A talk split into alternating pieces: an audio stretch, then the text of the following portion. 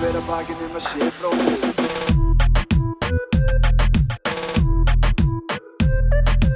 Bera hver að bakinn um að sé bróðir eigi.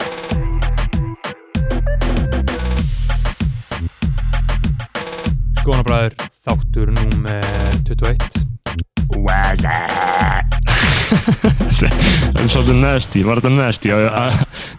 Þetta var bara Þetta er klassik, þetta er cult classic. Ég er að vísa í menningu sem ég þekki Einmitt, og aðrir þekkja. Skilur Uh, nú í, Einmitt, Hóðar sem Uh, fólk fílar. einmitt, aldrei gera þetta aftur uh, Höldum áfram Þarna, Við, velkomin í skoðanabræður Velkomin skoðanabræður. Uh, 30. það er nóg að gera til þetta í dag. Einmitt, við förum yfir alltaf helsta Nýtt fyrirkomulag uh, eins og einhver ráð tekið eftir Ef að einhver Mhm. sem er að hlusta hérna Það eru mjög margir sem hefur hlustað hana þátt og eru ekki í Facebook-hófnum okkar Já, skoðana það er eiginlega óskiljanlegt, það er eins og fólk viti ekki að því, en Já. endilega farið í Facebook-hópin uh, að það er, uh, greinilega það er í alvörinu ógeðslega mikið af Já. fólki sem er ekki Já. en hlustar alltaf á þáttinn. Þannig Já. að við erum að reyna að vinna bóta því, drull ykkur í Facebook-hópin, Já. það er í alvörinu allt að gerast þar. Þú ert að hlusta á þetta núna, íttu á pásu á þáttininum og faraðu í Facebook appið leitaðu skoðana bræðra lægið og gaktu í hópin Það er alltaf Mhm. að gera svona, þetta er snildar hópur Ég segi bara zum Wahrheit zum Licht, þar að segja uh, að sannleikanum að ljósinu. Uh, komið þangað, í dag er uh, sneisaföldi þáttur í bóði, við erum að fara í öll helstu fokking málefnin maður, það er allt Aha, að gerast hérna, við erum að tala algjörlega tæpi tungulaust um þau öll. Einmitt, við tölum um skólamál, við tölum MR, Vestló, Háskóli, Mentarhróki, uh, við tölum um fjölmiðla, við tölum um nýja útvástjóran, við tölum um leita vélar á þessum fjölmiðlum, tölum um uh, Jakob Bjarnar, við tölum um Avokado og brundið inn í avokadónum, Einmitt, við tölum, avokadó er gangandi endur, nei, endurtekið þema hérna í dag. einmitt, Uh, og uh, já, svo tölum við líka bara um þetta er svona nýtt, lít, nýtt lýsingar svona að kynna, þá getur lýst einhverja Já. karlmanni sem avokado, skilur. já, hversu avokado er þetta Já. uh, svo síðan tölum við bara líka um bara klassísk umræðinu skoðanabræða en alltaf já. með nýjum viðhórum hlutverku rúf, hvað veit- hvað veitum við útastjóri, Einmitt. útskýrum hver pólitíkin hans er samfélagsmiðlarnir, hvernig er þetta eður ekki að lífa okkar og hvernig uh, hvernig maður notar sæða samfélagsmiðlum Við erum eins og lokum við erum eru- alltaf að tala um svo hlutina en við gerum það alltaf í nýjum búning. aldrei það sama, alltaf nýtt, alltaf ferst alltaf Já. besta fjölmjörnefni á. Íslandi. Bókstala, ég veit ekki um þetta bókstala, ég veit ekki betra það nei, nei, nei, nei. Við, við töluðum um að við, við erum að ætlum að senda inn til blamanavéluna við þar ársins. Mm -hmm. Skoðanabræður, Já, við það ástu blaðamanna velunin, Já. þeir eru tilnæmdir til þess að vera tilnæmdir já.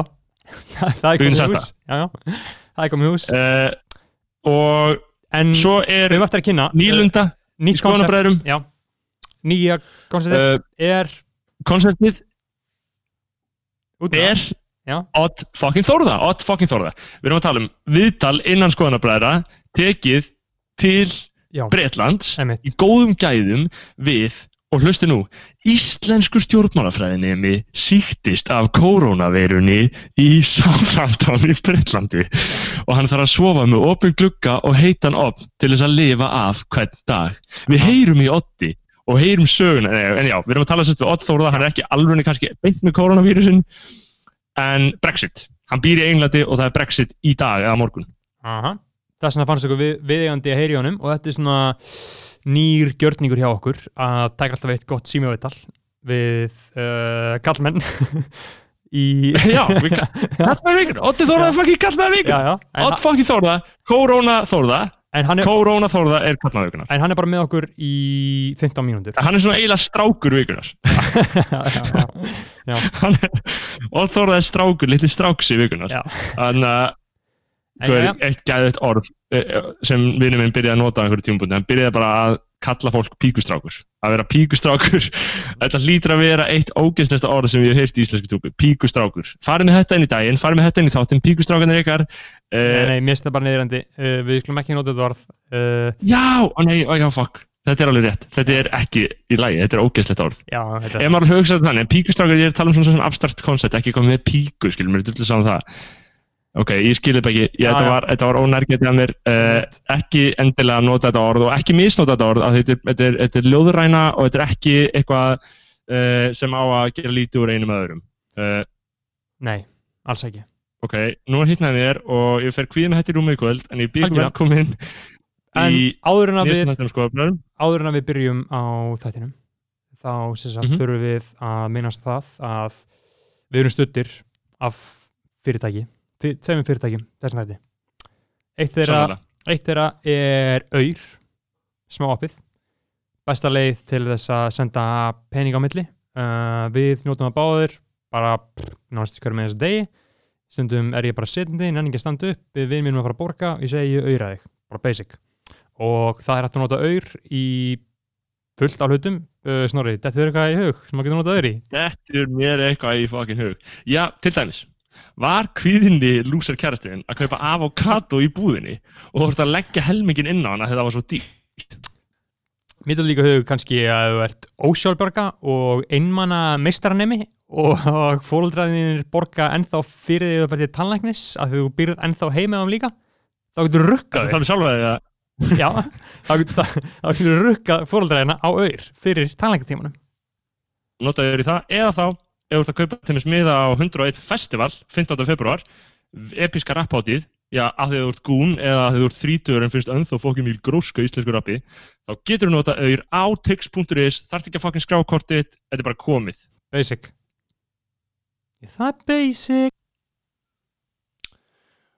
Skoðanabræður eru í samstarfi við sambandi 101, símafélag framtíðarnar Skoðanabræður eru í sambandi Eh, við sambandið sambandi við sambandi uh, í gegnum okkur þá getið þið fengið uh, 60 gigabyte frí sem er í rauninni fucking viðbjörslega mikið á interneti sko. uh, bara með því að skrifa kóðan skoðun þegar þið pantið simkortin á síðinu ég er inn á síðinu sjálfur núna það er ógeðslega einfalt að íta bara takkan og gera þetta og fá í rauninni bara geðað mikið að fríu símadóti sko. Og af hverju myndið þið ekki koma yfir í sambandið þegar þið þurfa að vera í símfélagi og það er bara bókstálega sannað að sambandið er með bestu dílana.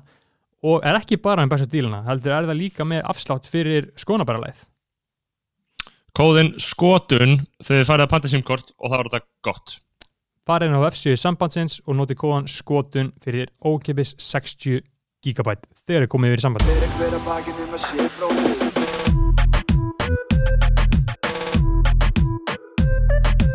Fyrir hver að bakið um að sé bróðir eigi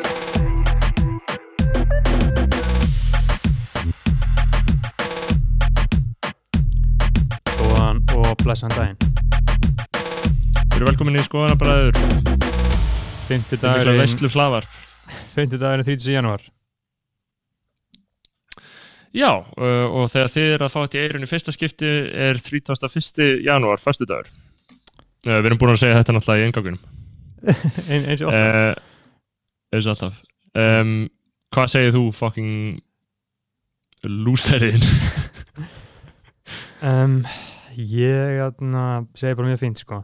Mamma bendi mér einmitt á að henni finnist ekki í lagi að þú er alltaf að, ka að kalla mig konu í, í, í þættinum. Ég, Akkur ætli hún láta að tröfla sig? Uh, Veistu, er, ég bara veit það ekki alveg sko. En hún, eh, ég, held að eh, kannski bara skilur ekki postfeminisman. nei, hún skilur ekki að þú, þú sért í rauninni algjörlega chillaður með þína hvern líkingu. Já, já, emitt, emitt. Hún skilur, já, Ég er náttúrulega eitra kallmennsku. já, já. Þú ert með Sko, eitra kallmennska. Já. Hvað erum við að tala um þegar við tölum um eitra kallmennsku? Þetta var ekki góð titill að bók. Sko, Þarna- það er til mismunandi eitra kallmennskur. Það er til eitruð PC kallmennska, skilur við. Já, Það er svona, þú veist, maður að segja, svona listamenn og pervertar, skilur við, kynfyrslega brenglega menn og síðan ertu líka með, já, bara svona lágvaksnir pervertar. já, gaurar með, hjó, með trefil og hjóli og drekka gæð mikið. Já. En hvað við að tala, já, ok, ok, við erum að, við erum að tala um eitthvað þarna, en þú veist, ég er að tala um eitru kallmennska, er, þú veist, það er í rauninni ekki tilneitt minna kallmannlegt en að vera með eitra kallmennska. meikar, meikar svo staðhefing sens, ég var að hugsa um daginn, skilja, því að gauðra sem eru með eitru kallmennsku er alltaf bara Já. fucking, þannig að lélegi kallmenn, skilju, það er svo ókallmannlegt að vera með eitra kallmennsku, sem er þversögn í þessu, sko Emitt. að því að kallmannlega er að lifa bara með þessu og vera, vera líka svolítið viðkvæmur skilur og vera svolítið berskjaldæður það er aðna Já, fucking gott sko. en eins og tala um sko listamenn eitthvað kallsamann, þeir eru einmitt svona fals innlægir, skilur hvað ég meina? Mm -hmm. þeir, þeir ljúga þessu innlægir, en ég er það alls ekki. Já, akkurat. Og eru alveg fokkin sömu sæðis vélarnar alltaf skilur Já, og eru um, sjúklega toxic náungar. Sko það er náttúrulega margt í þessu. Og, og það er náttúrulega líka margt í þessu með að með þetta falska dæmi sem er í gangi núna það er margir svona að skipa sér fylkingar og, og, og segja bara hluti að þið veit að þið falla vel í ákveði kram sko, Já, já, algjörlega. Um, Nýja, bara í vikunni þannig að ég tala um það. Sko, nýjasta Um, hittamálið sem gerist bara í mm. dag það er uh, lokun Bíóparadís Já, algjörlega. Uh, við, við, við, við getum komið að því en mér langaði að nefna þetta þegar við þurfum líka að tala um bioparætis, mér finnst það merkilegt mál. Uh, það var þarna annað mál sem var í vikunni þarna að uh, Köruboltamæðurinn Kobi Bryant dó. Já, fyrir í hræðilegu þyrluslisi Já. kvílifriði um, og menn myndust hans með eins og hætti og einhverju gróðu upp þetta uh, nöðgunumál þarna frá 2003 eða 2004 og svo stöðum að um, konan sem var reikin frá Washington Post mm fyrir að tweeta ég sá það en sko hún var ekki reikin, hún var sendið í leifi Já. nokkur dag, bara þannig að Washington Post gæti sagst hafi verið með eitthvað viðbröð þeim var auðvitað alveg drullu sama sko. Eh, mér fannst það svolítið líka umíkjalegt af Post að standa ekki með henni sko, auðvitað er henni frjálst að deila þessu eins og hún vill en Sko, vissulega er, þetta er helsta vandamál allra þessar stóru bandarísku fjölmiðla Washington Post og BuzzFeed og New York Times og allir dótið. Sko samfélagsmiðla stefna já.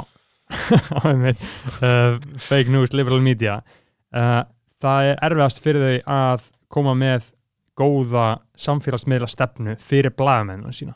Af því að það Mhm. sem að blagamennina er að segja er margir takaði bara eins og blaðið sé að segja þetta. Ef að blaðið gerir ekki eitthvað í því að þeir sé að segja þetta. Já, það er, en þú veist það er náttúrulega líka mörgur litið henni að blaðið sé að segja þetta. Þú ert blaðið um, en það ættist neitt endilega að vera þannig Nei, nei, ég, ég er alveg samanlega og þetta eru mjög flóknar spurningar sko, veist, eins og með hana, skilur uh, hún ákvaða að, að rifja upp þessi uh, þessar ásakanir. Uh, og ég las, ég hef lesið ásakanirnar og þetta er ekki ósamfærandi sko, það er ekki, það er ekki eins og hann hefur hafað sem á mjög hilbæðan eða eðlan hátt við þessa konu. Nei, nei. Uh, uh, þó ég sláði því ekki fram með að skrifa um það í nöðgari, skilur Mhm. ég, og ég, ég hef aldrei haft þörfaði hingað til og ég hef ekki þörfaði núna Nei. að segja það en það er bara mismöndu hvernig fólki bregst við, fólk bregst við og það eru auðvitað margir sem uh, það er auðvitað tilhætni til að gaggrina það að, að allir fari allt í unnu að, að, að rifi upp og, og, og minnast mannsins algjörlega án þess að nefna þessa skuggalið og það er alveg eðlilegt að nefna þessa skuggalið En ég Mm. hef náttúrulega í hver einasta uh, obituary og öllu sem ég las, þá var alltaf minnst á þetta. Þetta er flókin Já. arleið, skilur við. Já, já, algjörlega það var það, var það. En mér finnst þetta en áhverð. síðan er það Hún- líka? hún var send Síðan í margir, Hún var sendið í leifi hún var sendið í leifi já, Þú veist, paldi, þetta er eins og enn á Íslandi, ok, við erum hérna að gasa, skilur og erum Mhm. að segja mönnum að kalla að hætta að deadname Anders Berin Breivik og kalla hann Fjóðal Fransen, Já. skilur og þá er eins og já, við erum alltaf bara rugg, og bull, Já. skilur um að segja þú sitt í Norðuví í Þískalandi, skilur mm og þarna það er enda ekki gín, en já, já. Og það, það er enginn að halda útvarp 101 sé að segja þetta, Nei, nei. skilur bara alls Nei, ég, og það er gott, skilu, ég, mér finnst það heilbritt fjölmjölöngur, það sem að við erum bara rattir, uh, við erum ekki að tala málin eins uh, og við erum ekki fulltrúan eins uh, nema okkar umulega eigin nafs já, uh, við erum að setja virðing á, nei, vannvirðing á nafn föður okkar, bara más það er einu sem við gerum með því að gasa svona já. en, en ekki á, þú veist, eins og eða, eða fyrir mig MBL eða eitthvað svona, þú veist, en auðvitað er það samt, eru það samt örgulega fjöldi tilvika þar sem að ég gæti fara að segja hluti þar sem, sem myndi valda því að fólk myndi ekki enda Já. vilja ráða mig vinnu, skilur uh, En- gæ, gæti alveg verið sko. en ég minna með Cody, þá, nei Kobe þá bara er, uh, er þetta veist, það er bara mismyndi hvernig fólk fer að, ég meina hvort að fólk finni, finni hjá sér þörf til að nefna þetta eða ekki um, og mér finnst bæ, bæði fullkóla skiljanlegt sko. já, já, ég alveg Em, um, sko. um, en þú veist það er samt svona það er einhverju sem svona það hlakkar í fólki og það vill fara og fara, synda gegn strömmnum og posta einhverju svona skilu til þess að sína Mhm. hvað það er alltaf á góðu hlið sögunar já, uh, sérstaklega brjáluðum íþróttahöturum sko. já, þú veist, það væri fyrirsjánlegt ef ég færi Já. að segja sem fullkomlega ástæði til þess að nefna þetta alltaf þegar ég gera kannski ekki önnum tilugum en þú veist, ég, mér, mér finnst þarna, sko, þú mér finnst bara allir gangur á þessu. hvorkið ég nýð þú erum brjálaðir íþróttahatrar, skilur það er annað fólk Nei. sem bara raunverulega vill sjá íþróttir ekki vera til, skilur Já, já, fyrst allt í lagi, Kobe. Ég, ég þekki bara uh, NBA og körubólta gegnum rapp af því að þetta er mjög, mjög tengdir heimar sko. rapparar vilja Já. vera körubóltamenn og körubóltamenn vilja vera rapparar skilur. ég held að Kobe Mhm. hafa einhvern veginn byrjað að rappa á einhverju tímpúti sko. já, já. hann er í tónlismöndum, þannig ég þekki hann í rauninni bara gegnum það sko, því ég, ég horfa ekki á körubólta ég hef reynda mjög mikið, mér finnst það skásta íþróttin mér finnst það tölvert skásta íþróttin á öllum Íslandi, líka þú veist, ég ég lít mikið upp til Lebrons bara sem mannesku, sko en já, maður, hvíli fregi Kobe Bryant maður, who the neighbors? Kobe Já. Bryant from the Lakers.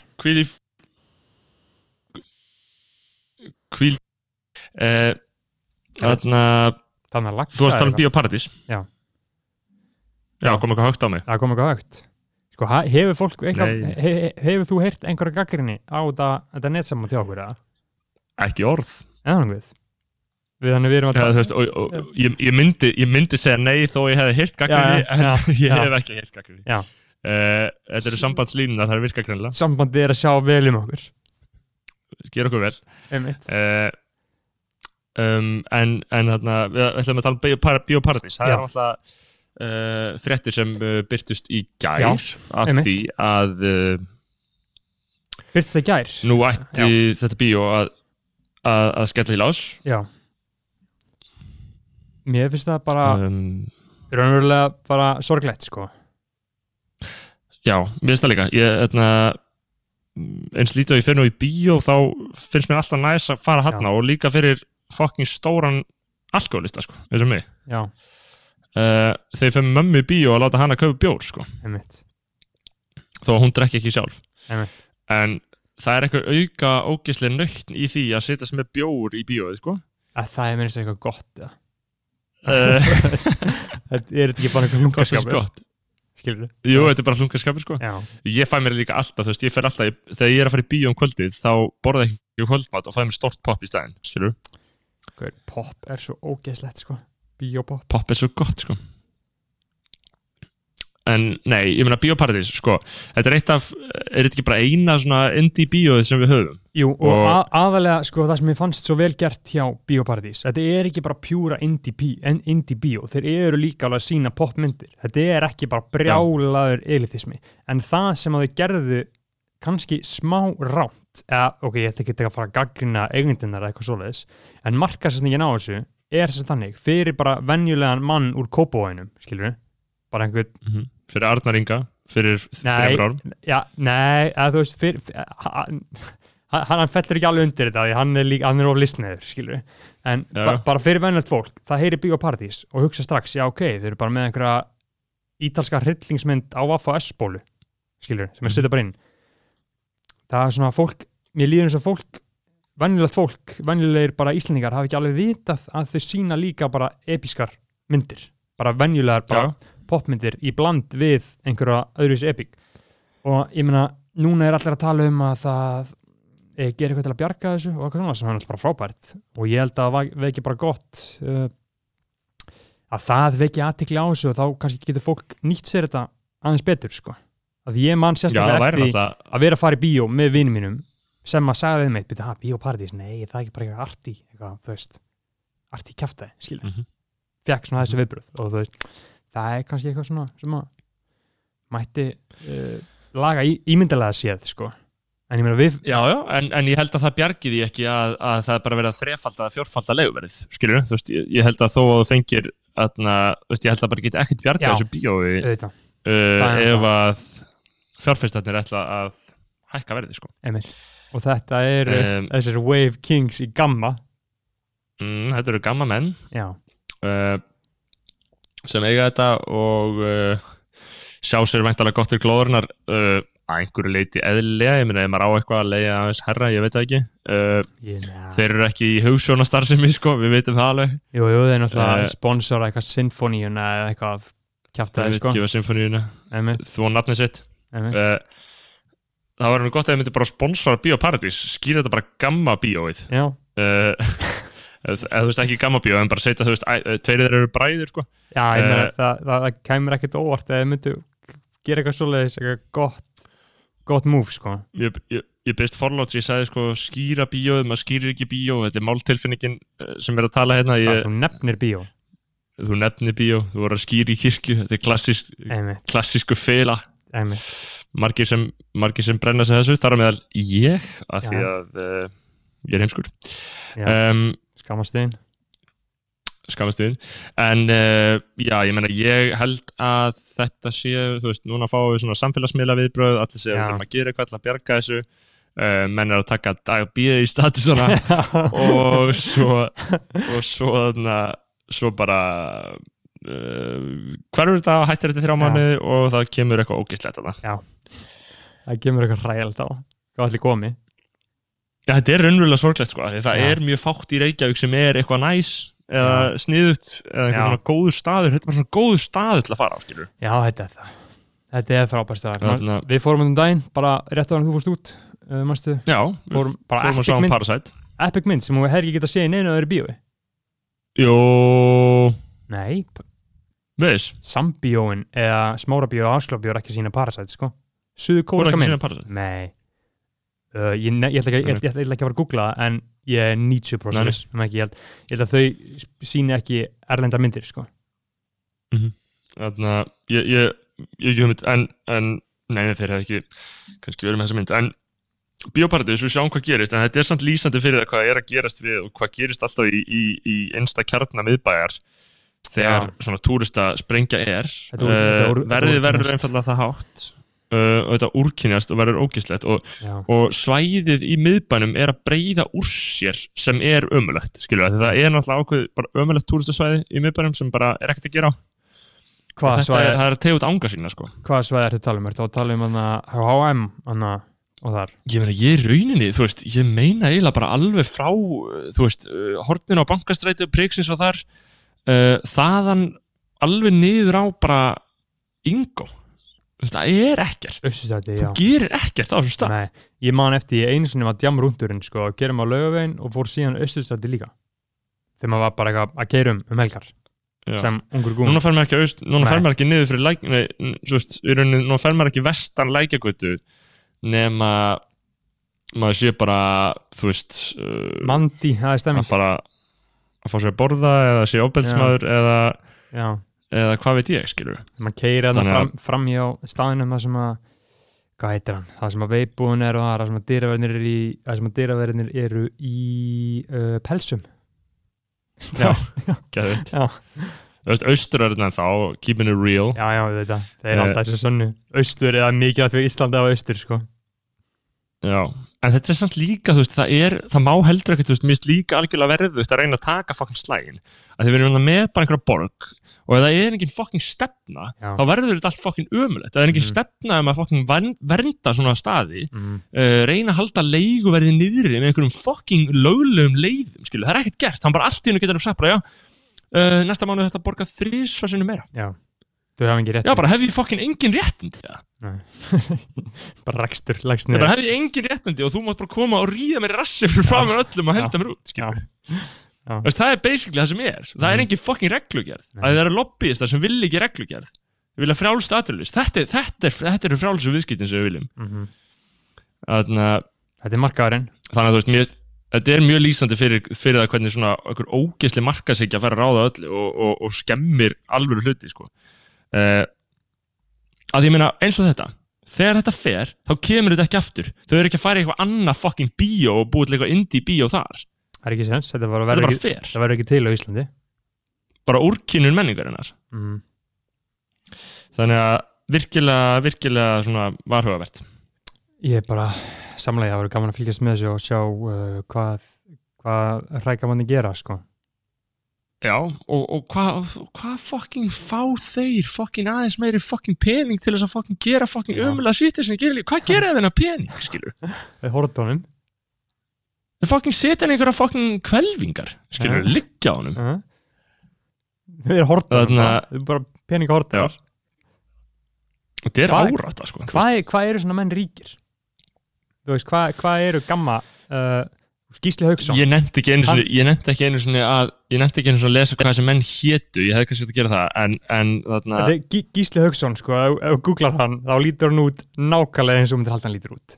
Skilur og bara, bara svona bláskýrta já, bara svona gaur, þú bara sérðir á honum að, þú veist við þurfum ekki að vera með einhverja ærmeðingar hérna, við þurfum að þessi tal, tala í lögfræði tíma okkar áður en að við förum að þess að tala meir um hann, en einmitt. þú veist, Já, nei, já, Gísli Hauksson sjálfur, einmitt Já. Þarna uh, Já, já, hann er hann er, hann er eins og þú veist, alla myndina hann séu í Madame Tussauds. Já, já, já, já, já. hann er bara eins og það þurft ekki að gera neina repliku á hann þar þetta er bara mynd. Mm Já, já, síðan ég, ég, ég google hérna Gísli Hauksson setur í miðstjórn sem formaður fjálmararáðs sjálfstæðisflokkin auk þess að setja í framkvæmda stjórn sjálfstæðisflokksins. Og síðan önnu stundarfrétt hérna uh, ein af sérstæðum Gísla Haukssonar og Gamma meðan hann stýrði félaginu var, var, var, var áhugi hans og fyrirtækisins á verkefnum sem snertu pólitíska hugmyndafræði í samfélaginu wow. Já, maður, þetta er maður sem að vill fólki ílt, sko, hann vill samfélagin ílt við, Nei, við þurfum að fá hann í skoðan sko. 250 skall, eins og við höfum sagt. Já. hver sem er, Við fá að útskýra málsi já, það væri svolítið gott þarna, gott þarna, mótel til að endur þessa fjölmiðlana. Uh, að þú veist, þú borgar fjölmiðlum fyrir Já. að fá að segja þína skoðun þú færið ekki að kommenta nema, ok, reyndar ef ég hugsa út í að það var þetta 100% gert alltaf. Þetta er pælingi með já, þannig að þeir eru kiptir upp. Uh, bara Jeff Það Bezos, kaupir bara veist, alltaf lítið mann, bara, já, kaupa á skilu, já, Jeff Bezos með, með Washington Post, Einmitt. þitt emitt uh, þarna, að reyka, reyka blaðmenn uh, þú veist, og þetta er svo, þú veist, þess að fyndi þessi fjölmjölega bandaríkjunum þetta er raunverulega spilt skilju, þegar Trump segir þetta er spilt, mm. þetta er raunverulega spilt. Og New York Times, Washington Post og allir þessi vinstirmiðlar eru líka alveg 100% spiltir skilju, það er allt spilt, þú veist eins og þarna tölu, við tölum um það síðast þetta, þú veist, hvernig New York Times þarna, editorial, það er alltaf stóra, skilu þeir, þeir endorsa einhvern kandidata Þe- þeir Já. velja, já og þeir völdu Warren og Klubusle Mhm. eða, man, vá, ég vil ekki vera eitthvað var ekki, Hva- hvað var ekki hún? meiri hlutin Amy Uh, Klobusch eitthvað mm, Leið veit það. ekki. var ekki meiri hlutin sem valdi voru tengist í ekki á hansi kona að ég veit ekki hvað hann heitir en það var nei, nei, bara Nei, þú, við- þú lesa svolítið lítið út fyrir það með að segja þetta það var ekki að hugsa. Einmitt, en Þetta- hérna uh, já, þeir endorsuðu Warren og hana uh, og á sama tíma þá hana, við tölum ekki um það í síðstætti en uh, Joe Rogan hann, hana, mhm. hann endorsaði uh, Crazy Bernie Ok, það er eitthvað. hérna Joe Rogan er hræðileg, hræðileg fígúra, sko, skilur en sko, eitthvað gott við þetta. Joe Rogan he, þú veist, hann hefur kannski alveg sagt einhverju hluti sem eru svona mis þú veist, Mm. mis þarna Hann er bara svo fucking heimskur. Ég horfa á því, ó, hann er heimskur. ég, ég sko, Þarna- en sko já, en máli er, hann endorsaði Bernie og Bernie, það sem hann Crazy Bernie, það sem hann gerði var kannski ekki alveg rétt að hann algjörlega bara fucking dyrkaði að hann hafi fengið þetta endorsement og gerði auglýsingu og frá sínum eigin miðlum frá þessu endorsementi. Svo var kannski ekki rétta af því að allir eru svo fucking geðsúkir í hausnum hann í bandaríkinum vilt að vinstri þarna að allir brjálaðist út Joe Rogan að hann er með einhver, einhver transfóbíu komment á sér frá 2013 skilur og Já, þú veist, ha- hann er svona, þú veist, málið er að Joe Rogan, alveg sama hvað honum finnst sjálfum, innst inni, hvort það sé góð manneskja, þá hefur hann notið hilli í já, já, já. en, en máli, hægri hópum, máli, öfga hægri hópum. máli með Joe Rogan er að hann bókstala talar alveg eins á podcastinu sínu og hann gerir í alvörunni, skilur hann er, þú veist, hann Mhm. er ekki beint alveg, já, hann, hann, er ekki, al- hann er ekki alveg pjúra PC, skilur en hann hugsar alveg rétt, þú veist hann er Já. svona, hann, hann, hann er með hann er með, á, ég ég kannski kom út eins og segi eitthvað Joe Rogan maður, en þú veist, ég finnst hann allt í lagi Já, já, Mist, það er alltaf lægi að finnast henni alltaf lægi, Já. sko. Það er, hann allt í það er vandamál þegar þú ert farin að dyrkan, skilur. Já, einmitt Þú veist, hann er, Eh. en, en síðan er verið að grafa upp einhver komment á hann, skilur frá okkar 2013 þegar var einhver MMA þannig að hann var brjálaður yfir því árið 2013 Já, að þess að MMA kall breytti sér í konu skilur þú, var trans, mm. skilur var transkona og byrjaði að rústa, skilur MMA deildinni. Já, og Fattar- var þá? ko, já, Já. einmitt, var þá í kvenna, fór í kvenna deild Já, fór í kvenna deild og, og, og byrjaði að rústa. Og þá var hann alltaf að tala um að, hún væri að, manhandle alla í búrun skilur Það er óhefðilegt, sko. Já, já, það það það eldi, þessi komment hjá hann eldist ekki alveg vel, skilur. En Nei, nei, þetta er það sem ég hafa Já, skilurðu. 2013, Þetta er það sem ég hafa á hann og þeir með endilega hafa þetta á hann Það er öllu, það er öllu, hvað öllu alveg fólki fucking drullu sama, sko. Einmitt, Eh, hva, hvað voru við að segja árið 2013 þegar maður var 17 ára, skilur Ég var þetta radikal feministi þá, sko. 2013 Ég var að taka Já, ég var hann að busa haustum mitt í MR, sko og þá var ég bara á Oj. Twitter eins og í fullu starfi bara að rífast við gilsara Þú veist, ég Já. man bókstala, ég átti risastórt rivildi af þetta Sigga Sigga Bond King Bond uh, þú veist, ég vil ekki að fólk grafi upp það sem ég var að segja á Twitter sko. Er það hægt? svo hlægilegt, en ég ætla að standa við þetta allt ég er alltaf þannig, sko. það er að ég, er sko, ég er að afhjúpa mig mjög mikið með því að gefa hennar flöt á mér en ég, ég stendi allt ég Eh, hvert skólabralagi til að skóla niður Twitter ég fara að nei, bænum, þá loka ég þessu. Ef þetta byrjar eitthvað, þá loka ég þessu. En, en ég er að segja, skilu, þú veist, þetta eru hugmyndastefnur maður verður, verður fyrir áhrifum af hugmyndastefnum hverju sinni í lífi manns og auðvitað alltaf þannig að auðvitað kemur það alltaf skyngilega út eftir á, sko. Einmitt Já, fyrst það Um, gerist það, skilur. Paldi hefði þú verið bara eitthvað með Twitter og Instagram þegar þú fórst í vatnaskó og komst tilbaka sem borun ekki hann Kristján, skilur? Já, og ef ég, ef ég hefði fengið að segja eitthvað um það, skilur Já, uh, það var samt, það voru góðu tímar og gott að vera kristinn, sko. Já, Eh, maður, ég vildi að vera Kristján en svo fermdi ég með fokkin borgarlega sem var, voru hræðileg mistök, sko. Það er fokkin lítið swag, sko. Það er uh, svo píratalegt að ferma þessi borgarlega. Já, það er svolítið píratalegt, sko þó, þó pírata séu reyndar einhver, einhver skasti stjórnflokkur landi. Já, maður, mynd, En- mynd, myndi maður ekki kjósa pírata í dag, maður var að fara að kjósa það. Ég gef ekki upp hvað ég kýs, ég er, ég er pælið að halda úti svona þannig reglu núna. Af, uh, af hverju, það er fokkin- Af- Nei, af því þá ertu bara ekki flokksbundi maður, það er fokkin viðbjör að vera flokksbundi á Íslandi, skilur Já, já, það er enda alveg rétt. Uh, En Twitter, ég var á Twitter í daginn uh, og ég tweetaði, skilur einhverju tweeti. Einmitt Ég sé að þú ert líka að byrja að tweeta Ég er nýbyrð á Twitter, það er veisla. Ok, ég skil það, ég held að það sé kannski bara veistla að fara aftur á Twitter. Mér Það finnst væri það snillt. kannski gott að taka Twitter aftur yfir, skilur Ef eðlilegt fólk færi aftur á Twitter Já, þá myndu gerpin uh, vera gerpin sem þau eru bara og við, og við En strákanir í þau norð stýra Twitter skilur. Einmitt, og við strákanir í norðiví fáum smá. Já, fucking Northernvíus boys að taka Já. Twitter. En málið er að þú veist, þessi, þetta tweet þarna fekk ágætt viðbröð þetta fekk alveg eitthvað svona 130 likes eða eitthvað. Og Ok. ég að Ég sá þetta ekki, hvað er þetta? Uh, ég tweetaði eitthvað um að þetta fara með Gísla Martin í svona tanngreiningu hjá Já. Háskóli Íslands. Einmitt, eins og gerur flóttamennina. Akkurat. Uh, og bara tvist á eitthvað mál og svona mæltist ákveðlega vel fyrir hjá PC Bitrum. Uh, og þarna ég mundi þá hvað þú færið ógeðslega mikið endorfín út úr því að segja eitthvað Já. og allir eru sammála like, like, like, for Já. notification. og hvert notification er bara mm, þú ert nice, þú ert nettur, þú ert king allir, allir þykir mæntu þig þú veist, og Já. þú veist það er svo skilinlegt að smásálutnar hópist saman eins og Mhm. Jakob Bjarnar kallaði já, Twitter smásálutnar hópist saman hana og séu í rungring skilur já, með einhverju, og, og, og gjaldmiðlin eru góða skoðanir, skilur eh, og ég er 100% til að vera þáttakandi í því ef ég fæ ekki að mikið samþykki þarna Sko, já, ég hugsi ekki alveg svona samþykki er svo fucking geðvik tilfinning maður. Já, já, það er það og meina, þú getur líka fengið á Eh. Instagram Þú getur bara tekið Þú getur bara tekið selfie að þér núna. Bara með heyrna tólun á þér og Mike Þú getur Mhm. bara tekið selfie á að þér Bóstaði á Instagram. Bara fengið samþyggi postaði Já. það var þetta áhugavert ef ég myndi gera ætti ég að gera það? Uh, ég ætla að taka selfie. Já. og, og posta henni og sjá hvort ég fá einhver likes. Já. nei, ég þorði ekki. Á ég gera, jú, ég gera. það væri alveg fín. Það er væri alveg fín svona samfélagstilraun að gera þetta í betni. Þú ert í símanum beinni, samþykki í beinni, Já. það er þetta. Ég er í símanum mínum eins og þú sjálf.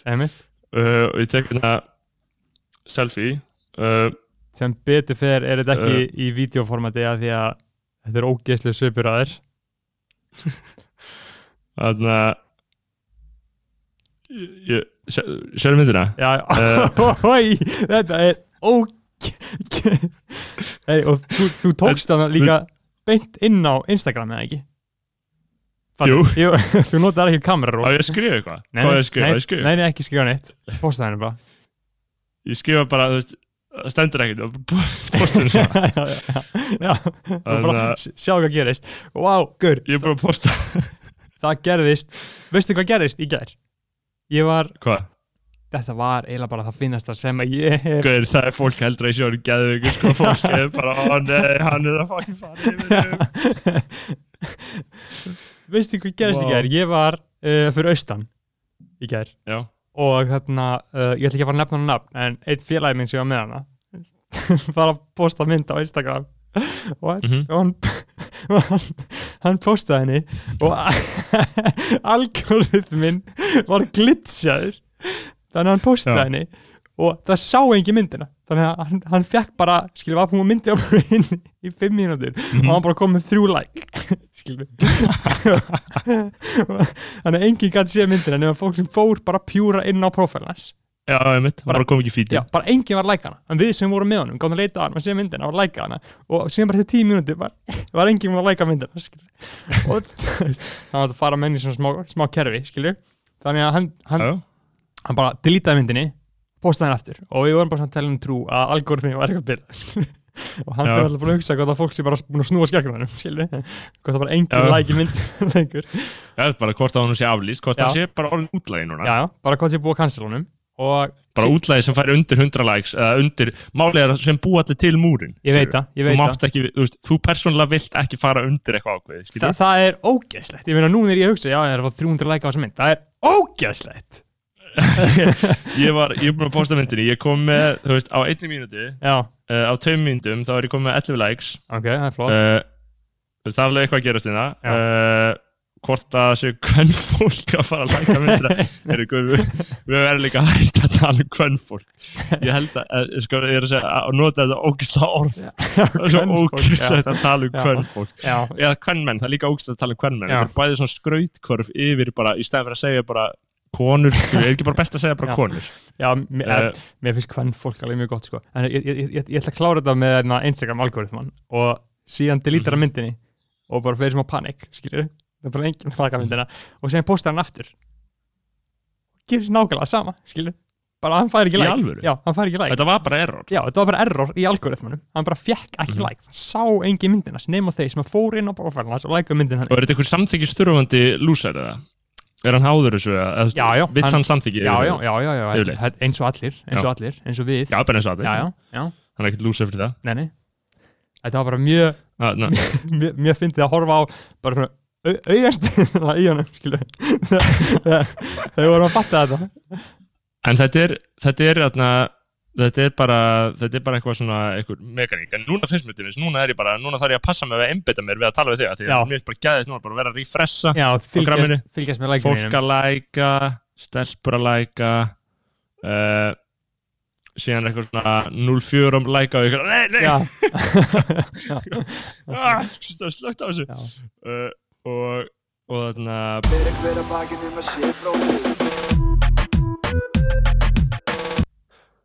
Opposí, döttum aðeins út, erum mættir aftur, skoðanabræður, uh, smá tæknilegar örðuleikar hérna sem komu skyndilega uh, óforvarendis upp á okkur hérna, en uh, við erum sterkari en nokkur sinna áður. einmitt Nýtum tækifæri kannski til að minna ykkur á það að við erum hérna í bóði Auður og Sambandsins 101. einmitt. Uh, Auður er besta leið til, að- til þess að færa pening millir fjölskyld og vina. Uh, mitt það sem ég vildi segja, einmitt. Og sam, sambandið það er, er sambandi, Sím, símfyrirtæki framtíðunar uh, við vorum í smá vesenni hérna akkurat núna svona duttu út og smá vesen með neti á þér hérna og þetta bara kom uh, sölustjóra í sambandsins og, fulltrúi sambandsins græjaði það. og yfirlögfræðingur skonabræða kom inn yfir í Mhm. stúdíu til okkar, græjaði það. Alveg þjónustu af það Ok, þannig að við erum uh, Hvar vorum við Bertól? Við vorum á okkur, Sko- svaka róli Ég var að tala um Instagram-lækin maður Já, við vorum að tala um Instagram-lækið þín Þau halda áfram að koma, sko Þetta er bara eins og notification hrina Einmitt. og þetta er geðvögt tilfinning, sko Já, já, uh, En þetta er Í- en- óge, ógeðslega mynd að þér. þetta er ekki falleg mynd, þetta er í rauninni ég hefði getað útfært hana betur, ég er líka brosandi eins og fucking halvviti sko Hvað sko, Eh. hvað heldur að, hvað heldur Amma Helga myndi segja um þessa mynd? Já, hún er örugglega ekki ánægð með hana. Nei, hún myndi gera aðtöðsandi hana. Já, uh, en, en sko Instagram, þú veist, þetta er kannski það sem maður á að vera að gera á græminu, bara smellin Já. mynd og einhverju skemmtilegu, skiljur en Já. stórin, við erum á móti stórinum sko. já, já. Ég er, ég er mjög mikið á móti stórinum af því að sko aðal Mm. þú veist, kannski aðal svona endorfínið og geðsjúdómanir á mér koma frá stórinum sko. Já, litlu pakkarnir, opna pakka eftir pakka eftir pakka eftir pakka af kontenti. Þetta er stilt upp eins og litlu skemmtilegi pakkar sem maður eftir að opna, skilur. Já, Gafa pappirinn verandi þessi fjólblá ringur, skilur. einmitt Aldrei neitt Em, skemmtilegt, aldrei neitt áhugavert En sko málið er að þú manst eftir tilhörunum sem ég var að segja frá, eh, þar sem ég er að, að slökkva á stórium hjá öllum. Já. Ég er að, að uh, mjúta, eins og það heitir ennsku. Hvað getur við kallað þetta á góður íslensku, þú veist, að, að mjúta einhvern inn í appinu? bara þakka niður í einhverjum. Að þakka niður í, já, það er þetta heldur gott. Ég er að fá þakka niður í, í alls konar fólki. Uh, og þannig að ég sé ekki stóriðin þeirra. Einmitt. Og í gær þá náði ég þeim áfanga fyrst Mhm. að ég var búinn að slökka öllu þannig að ég fór hún á Instagram og það var ekkert stóri Nú, ok. Uh, og þú getur gert, gert þér í hugulund að auðvitað fyrsta fólki sem að mjútar er fólki sem kemur efst upp hjá manni. Já. Þannig að smám saman kemst maður niður í einhver stóri sem ég hafði bara aldrei séð. Já, var, hvað já. fokkin fólk er þetta? Einmitt, einmitt. Og ég höfði bara, þannig var ég bara komin í lægsta gæða flokk stóri samkvæmt al- algoritmanum, skilur Bara einhver það sem var var bara verstu stóri bara einhver sem var með í skiptin á mig á Spáni skilur já, þú veist, bara eitthvað fólk bara fólk sem hafði horfið í hildýpi sögunar eh, og er að bjóða upp á versta content á Instagram. Og ég var, þú veist, að ég er ennþá með því vanunum að ef ég opna Instagram þá er fest story þá opna það já, en það er alltaf frá einhverjum sem er bara, þú veist, sem er þetta er bara bot, þetta er bot skapningurinn, sko. Já, en núna er þetta alltaf að koma og núna bara opna Instagram og það gerist ekkert, sko. Eh, þannig ég fer aftur út. Um, þannig að það er gott, þú ert að byrja á, á morgun frá því á föstu degi þegar það segja lögadaginn, þá byrjar þú á, á þinni litlu februarbyltingu já maður, fyrst Eh, uh, það verður fucking veistla mér ég, ég er samt náttúrulega að byrja á Twitter þannig að það er kannski ekki þú veist, hættir á gramminu og fer að tvíta já, Ég veit ekki með Twitter dæmið maður, þú sér til hvernig, hvernig líður hana. Þú, ég sé til sko. Þannig að ég er alveg Ég er alveg til að mér finnst alveg gaman að- að týsta líka einhverju, en ég ætla kannski að prófa. Ég, bara, ég fæ alltaf svona smá stress, skilu, oh fuck maður. Ég er hérna einhver skrítingur skilu, mm. ef maður er skrítin, þá fær maður engin feif á Twitter, skilu það ertu bara í ónáð, þú ert bara skógámsmaður þú ert bara, sko, þú veist. en það, það er það sem ég vil vera ég vil vera skrýtingur á Twitter skilur, já, einmitt, bara sem engin, engin í rauninni tekur uh, marka á í rauninni nei, ég, ég bara segja eitthvað annað, skilur já, ég vil eða koma hann þannig að það sé ekki einhver pressa á mér. Að ég man eftir, sko, einu sinni var ég alltaf að reyna að vera fyndin á Twitter svona mm 2014, 15 þegar maður var á Vestló pík tímabili sko. þá bara, menna þá setti ég eitthvað á Twitter og ég fekk ekki 100 like þá var maður bara vonsvikinn skilur, Mhm. maður bara mjög vel því maður, maður gerði bara allt til þess að vera að fá einhver like og ég, sko, skoða þetta allt um daginn sko, það er fucking sko, wow maður, það er mikið, sjá, mikið self-loathing sem í gang fyrir að skoða gömul tweets á sér sko. Ég get það ekki, sko, ég er ekki við það, sko Já, en, en, þau, eru- eru svona öðruvísi sko, ég var bara vera fyndin skilur, en þú varst, þú varst örugglega að segja verið hluti sko. Já, ég var, ég var, þú veist, jú, jú, ég líka reyndar að fyndin, en þú veist, ég samt, þú veist, ég var svo ótrúlega rétt hugsandi. Já, Ég man, á, ég man einhver tíst sem ég, sem ég, sem ég setti út, út af þarna fríða nippul, algjörlega, fullkomlega hægt að gera grína því núna, sko. já, nei. Já, Þetta var svo mikið, ég var svo mikið feminist alli, sko. Uh, en samt bara einhver háa sem karlmaður, skilur, þú veist. Þú getur ekki með góðu móti verið heill í skilabúðum þínum en samt verið bara einhver kallmaður skilju kallmenn eru ekki upp til hópa heilir í sínum skilabúðum hægan, hægan Hægan, hægan, uh, við ætlum að kynna inn nýjan lið hérna á besta fjölmiðla fyrirbæri Íslands skónabræður uh, nýr liður sannlega áður var það karlmaður vikunar nú er það strákur vikunar stutt viðtal við Ott Þórðarsson stjórnmálafræðinema í Breitlandi Fyrir hver að bakið um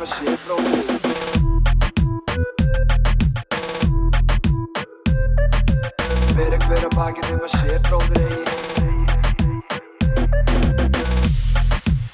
Já, við erum komið með Ott Þórðarsson, skoðanabróðurinn í Southampton á línuna.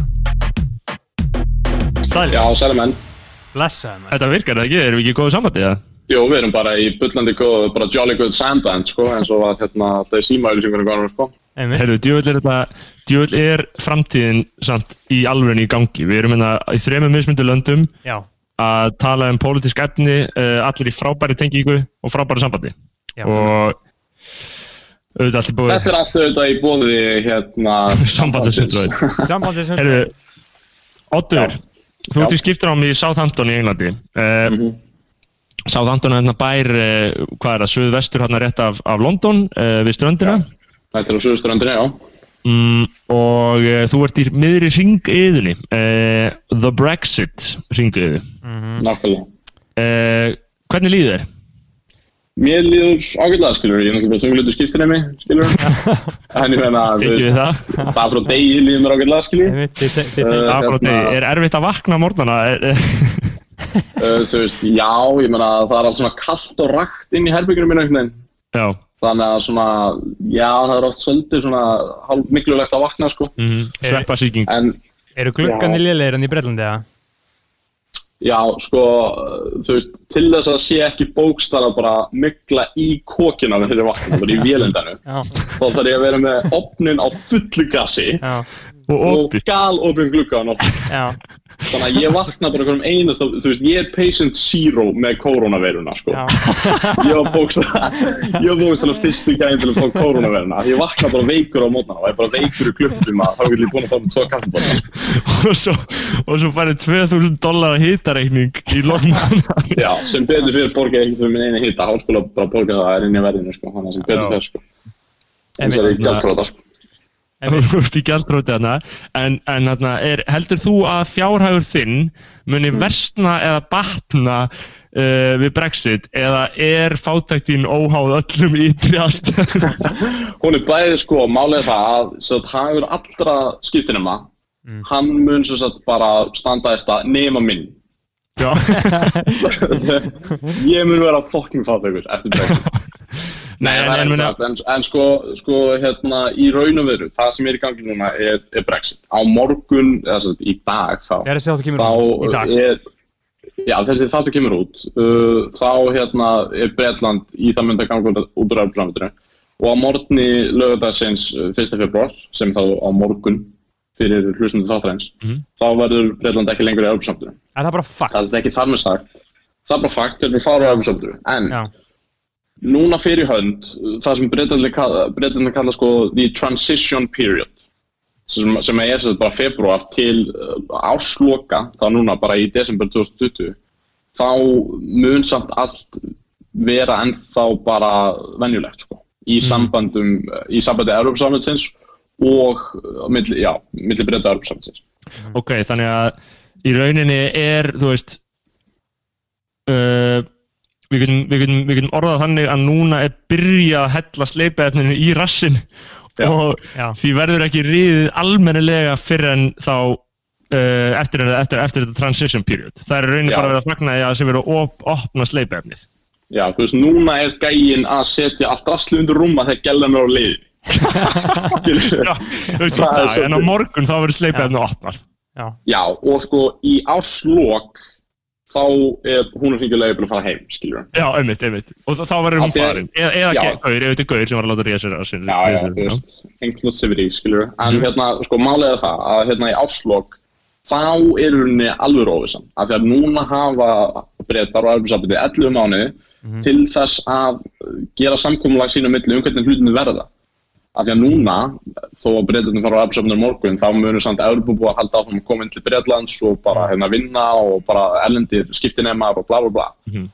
og hérna, þú veist, ég er með európska sjúkrakorti, ég hafði áhugur af því, ég er með európska sjúkrakorti að því að Ísland er í EES, európska efnaðarsvæðin, ekki ESB. Og þú veist, ég get bara að fara á sjúkrahús eða lendi bílslýsir og bara fengið læknisáttu. Þú getur að sjúka úr daglega og það sveppa síkunni heima. Já, út af, út af koronaveirinu sem ég fæði hverju meðsandi. já, Og, hérna, og það mun halda áfram til ásloka.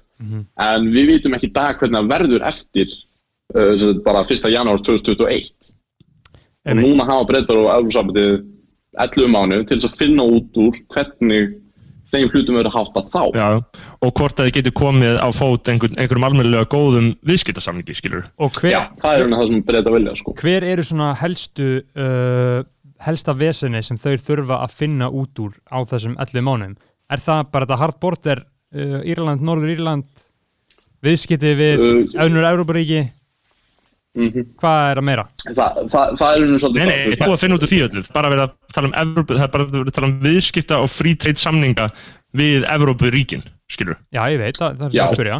sem að náttúrulega sem að þú veist, þau mynda blokkina Európa-sambandið skilur Já, það ég er það. eftir að finna út úr skilur þú veist, ég var að horfa viðtölu fólk sem er í bæjum eins og þú lístu beggi skilur hérna við uh, hérna landamæri Norður Írlands og Írlands. Já. og bara svona fyrir leikmann til þess að þú snárið, þú ert gjörsamlega fallar og kemur á landafræða Mhm. Breitland er náttúrulega skipt upp í tvær eigur Mhm. uh, á annar eiginu eru England, Skotland og Wales. Á hinni eiginu eru Norður Írland og Írland. Írland er sjálfslætt ríki í Európsamöndinu þeir eru ekki með drottningun og þeir eru ekki með neitt. Aha.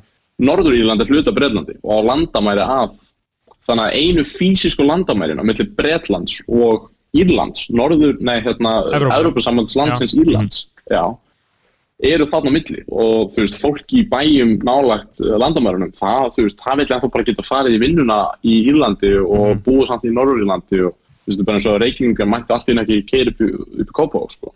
Já. og það er alveg spennan og þannig á þessu svæði fyrir einhverjum 20 til 40 án síðan voru bara gríðilega átök og eða bara borgarstyrjöld í Norður Írlandi uh, milli stríðandi fylkinga sem að vildu þá annarkvæmt að Norður Írlandi væri hluti af annars vegar Breitlandi sem voru mótmælendatrúar að mestuleitinu til og þá katholika sem vildu að Norður Írlandi er bara hluti af Írlandi Mhm.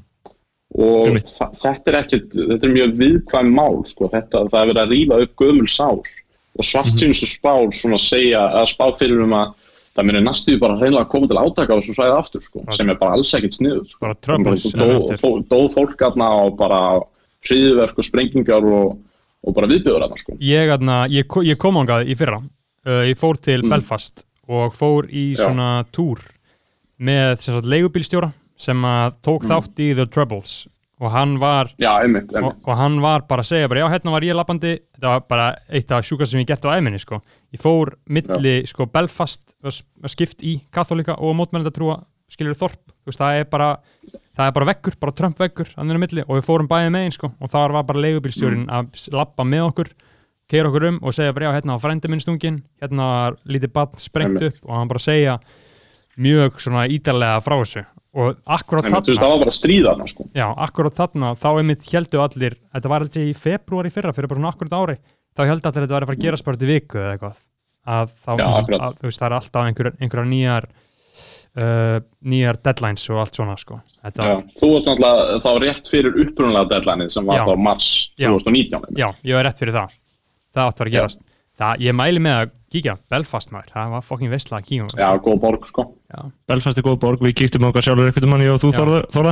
Já, Um, en uh, já, núna gerist þetta og í lok næsta árs þá bara fer þetta svona raunverulega í gegn en núna þar sem þetta er orðið þá er þetta staðreind og þá bara spyrir maður sig hvaða áhrif þetta kann að hafa já, ekki bara Breitland, heldur líka bara til dæmis okkar afstöðu til Breitlands.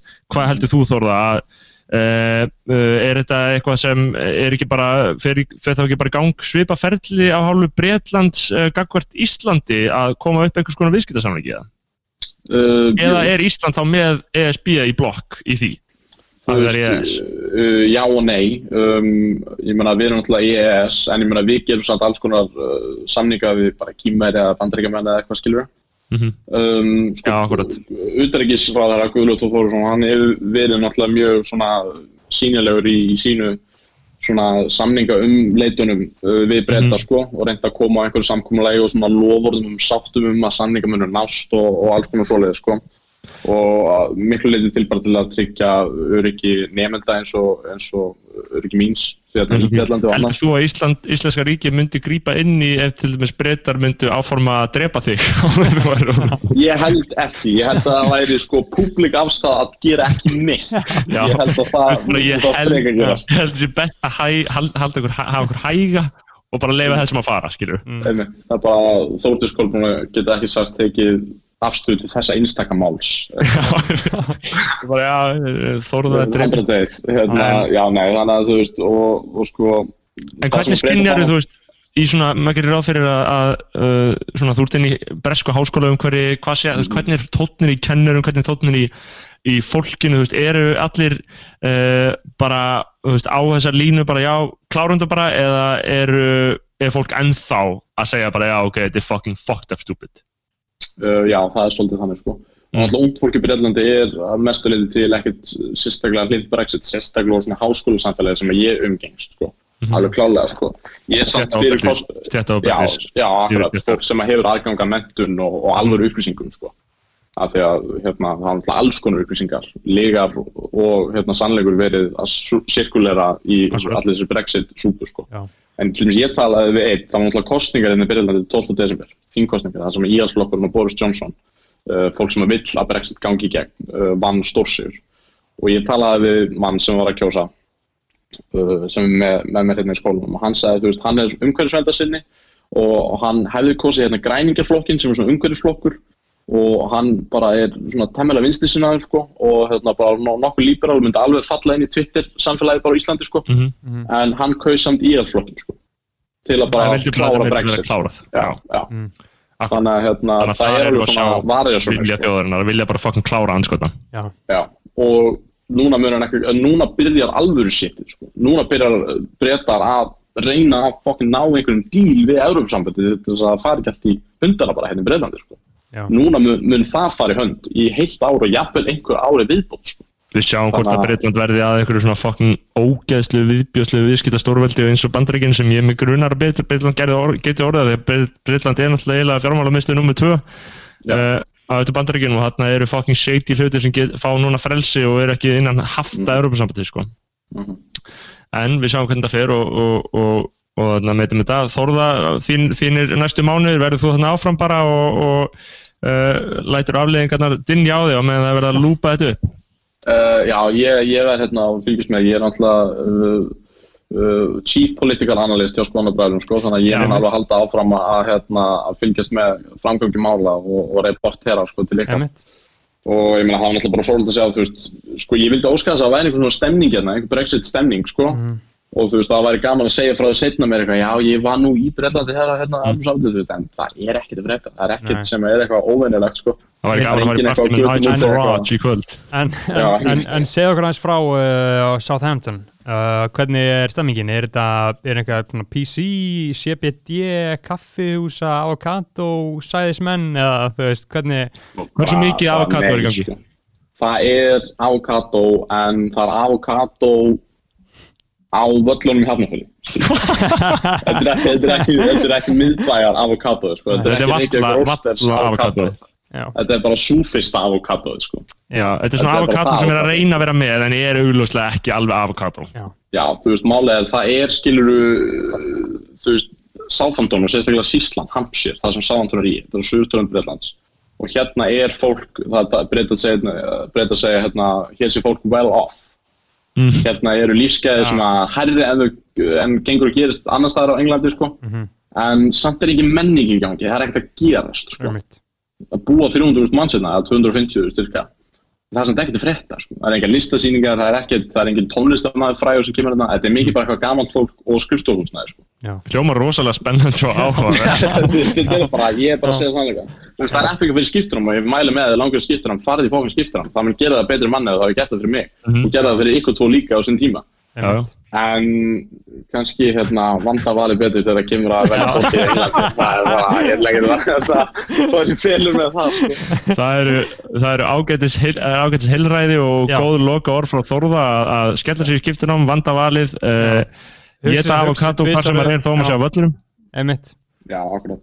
Um, Já, það er hérna bara punkturinn yfir yfir sko. En í raun og veru. takk kærlega fyrir að koma í skoðanabæðar Þórða Já. og, og uh, og uh, er bara gangi vel með Brexit og gangi vel að smyrja þetta raskat. Ég er bara, ég verð með lúpið á loftið hérna. Það takk fyrir mig. Herru, takk hjá fyrir þetta. Fyrir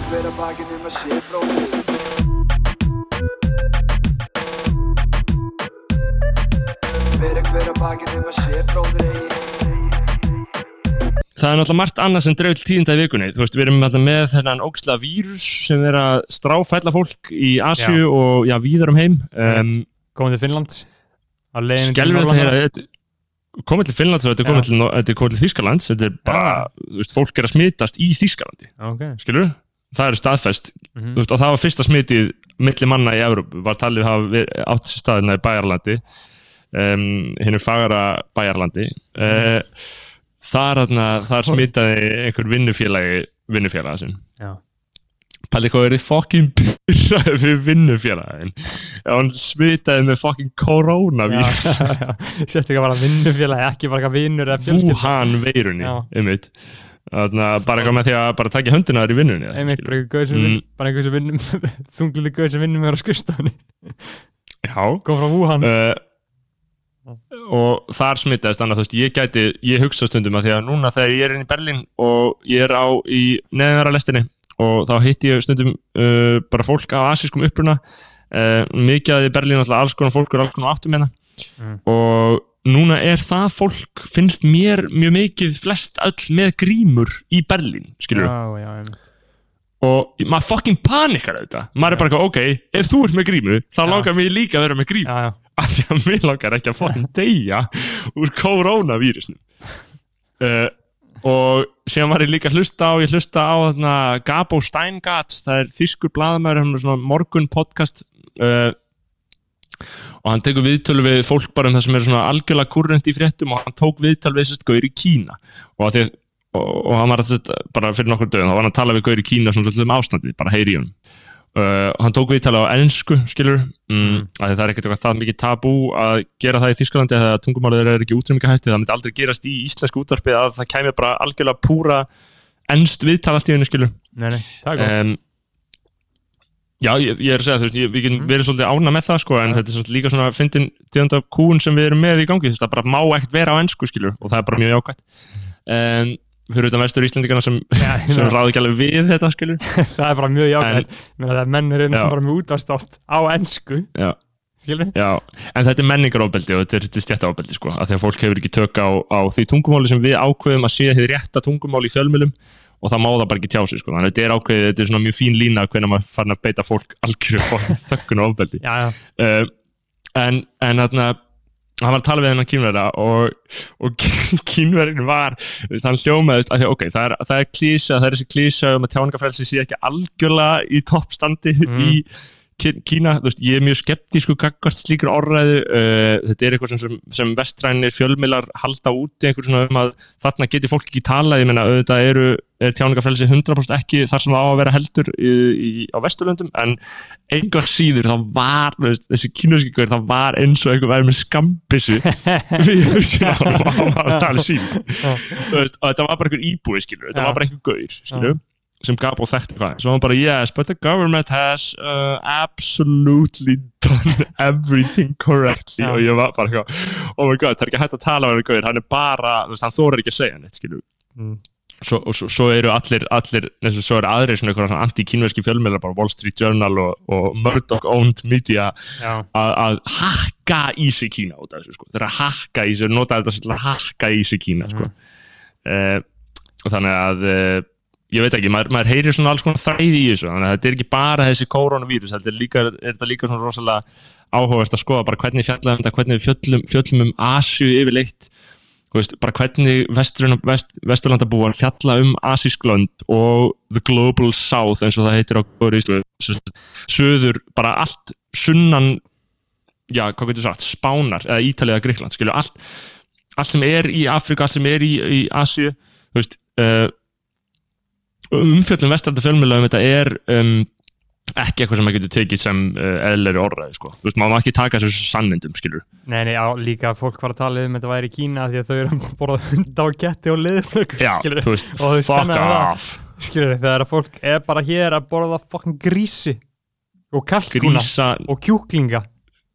Já, þeir eru að fucking geta fugglakjöt já, það, mér, Em. það er bókstaf alveg jafn ógislegt að borða hunda, ketti og liðflöggur, sko að það ekki. Já, ég er samanlega ég, ég, ég er bara algjörlega á því. Það er alveg jafn ógeslegt að borða hundaketti Þetta er alveg það sama. Þetta er nákvæmlega það sama. Og að borða grísi bara sem að ylfra grísi kalkúna, það er ógæst sem getur borðað í alheiminu með kalkún Mm. kjúklingur, hvað er fólk fleira að borða? Fólk er að, fólk, fólk er að borða beljur. Ég er alveg sammála. Um, þannig að Kína, ok, við skulum reyna að lesa fjölmjöla með svolítið svona kritískum Einmitt. hug En Eh, hvar, þannig að uh, skonabræður eru uh, hliðhóllir okkar manni uh, Xi Jinping, eða ekki? um, Jú, Xi Jinping, hann er Já. að gera allt rétt og hann hefur aldrei gert neitt rá Hann er, hann er að gera hluti. þetta eru völd á kaliberi sem við skiljum ekki sko. Þú veist, þetta er, var, við getum ekki fjalla skynsalega með þetta sko. ég var einmitt að horfa á þarna, uh, Silicon Valley, ég byrja að horfa á það aftur, bestið þættir í Mm. alheimin. Hefur þú horfað á það? Nei, Nei, hvað er þetta er svo gott maður. Það var nefnt með verksmið og þarna svona evil gaurinn sem er að framleiða einhverja vöru, skilur við að fara í verksmiðinu sinna til, var að fara til Kína til þess að fá ódýrt vinnuafl. En þá var, þá var Mhm. gaurinn í Kína alltaf að tala um the new China. Nú er það bara að með einhverja og alltaf bandaríkjamaðurinn brjálast að hann kemur fyrir ódýra við. Hann vil ekki sjá nýja Kína. já, þetta er svektur Já, hann er svona ára, Þarna- áraður gegn nýja Kína, Xi Jinping. Já, ég meina, þú veist, við sko, ég bara ég hef svo, þú veist, allar upplýsingar sem að les eru filteraðar í gegnum vestræna orðað, skil, maður getur ekki fengið en alvöru alvöru gesundheit, gesundheit maður getur ekki, sérst, Guð Guð hjálpi þér á því, sko, það er gesundheit Já. það er að koma orðskýringar hérna. Mm. Uh, það, maður getur ekki fengið hennar svona, einl, eða svona, mist, svona einhverja bitastæðar skýringar á því hvað er að gerast í þessum löndum nefnum maður farið angað eða talið við, þú veist, ég veit ekki hvað sko, það er ekki til neitt sem heitir hlutlæsar upplýsingar eitthvað staðrendir, skilju Ég sá reyndar uh, algjörlega frábært uh, 20 mínuna fréttaðinslag frá atna, Vice News á HBO fór hann í Nóri Kóru, bara núna bara hvernig ástandið er þar núna. Það var Mhm. fucking veistla maður fór hann í Nóri Kóru bara og fenguð að skoða allt og sjá allt. Bara ég mæli með að allir tjekkja á þessu. Þetta er bara eitthvað Vice News á HBO hefur ekki séð þættina. Bara mest Jú, epic jú. fréttaðættir í alheiminum. Alltaf eitthvað nýtt í ég held sér vikulega þættir eða eitthvað. Þetta er á stöðtöðu marathon og YouTube. Og þarna þá fara þær inn í Nóri Kóru það og fengu algjörlega þú veist, fengu allan svona fulla sín og þá er einmitt verið að tala um hvernig bandaríkin eru búinir að búin að fucking eiginlega þetta ríki.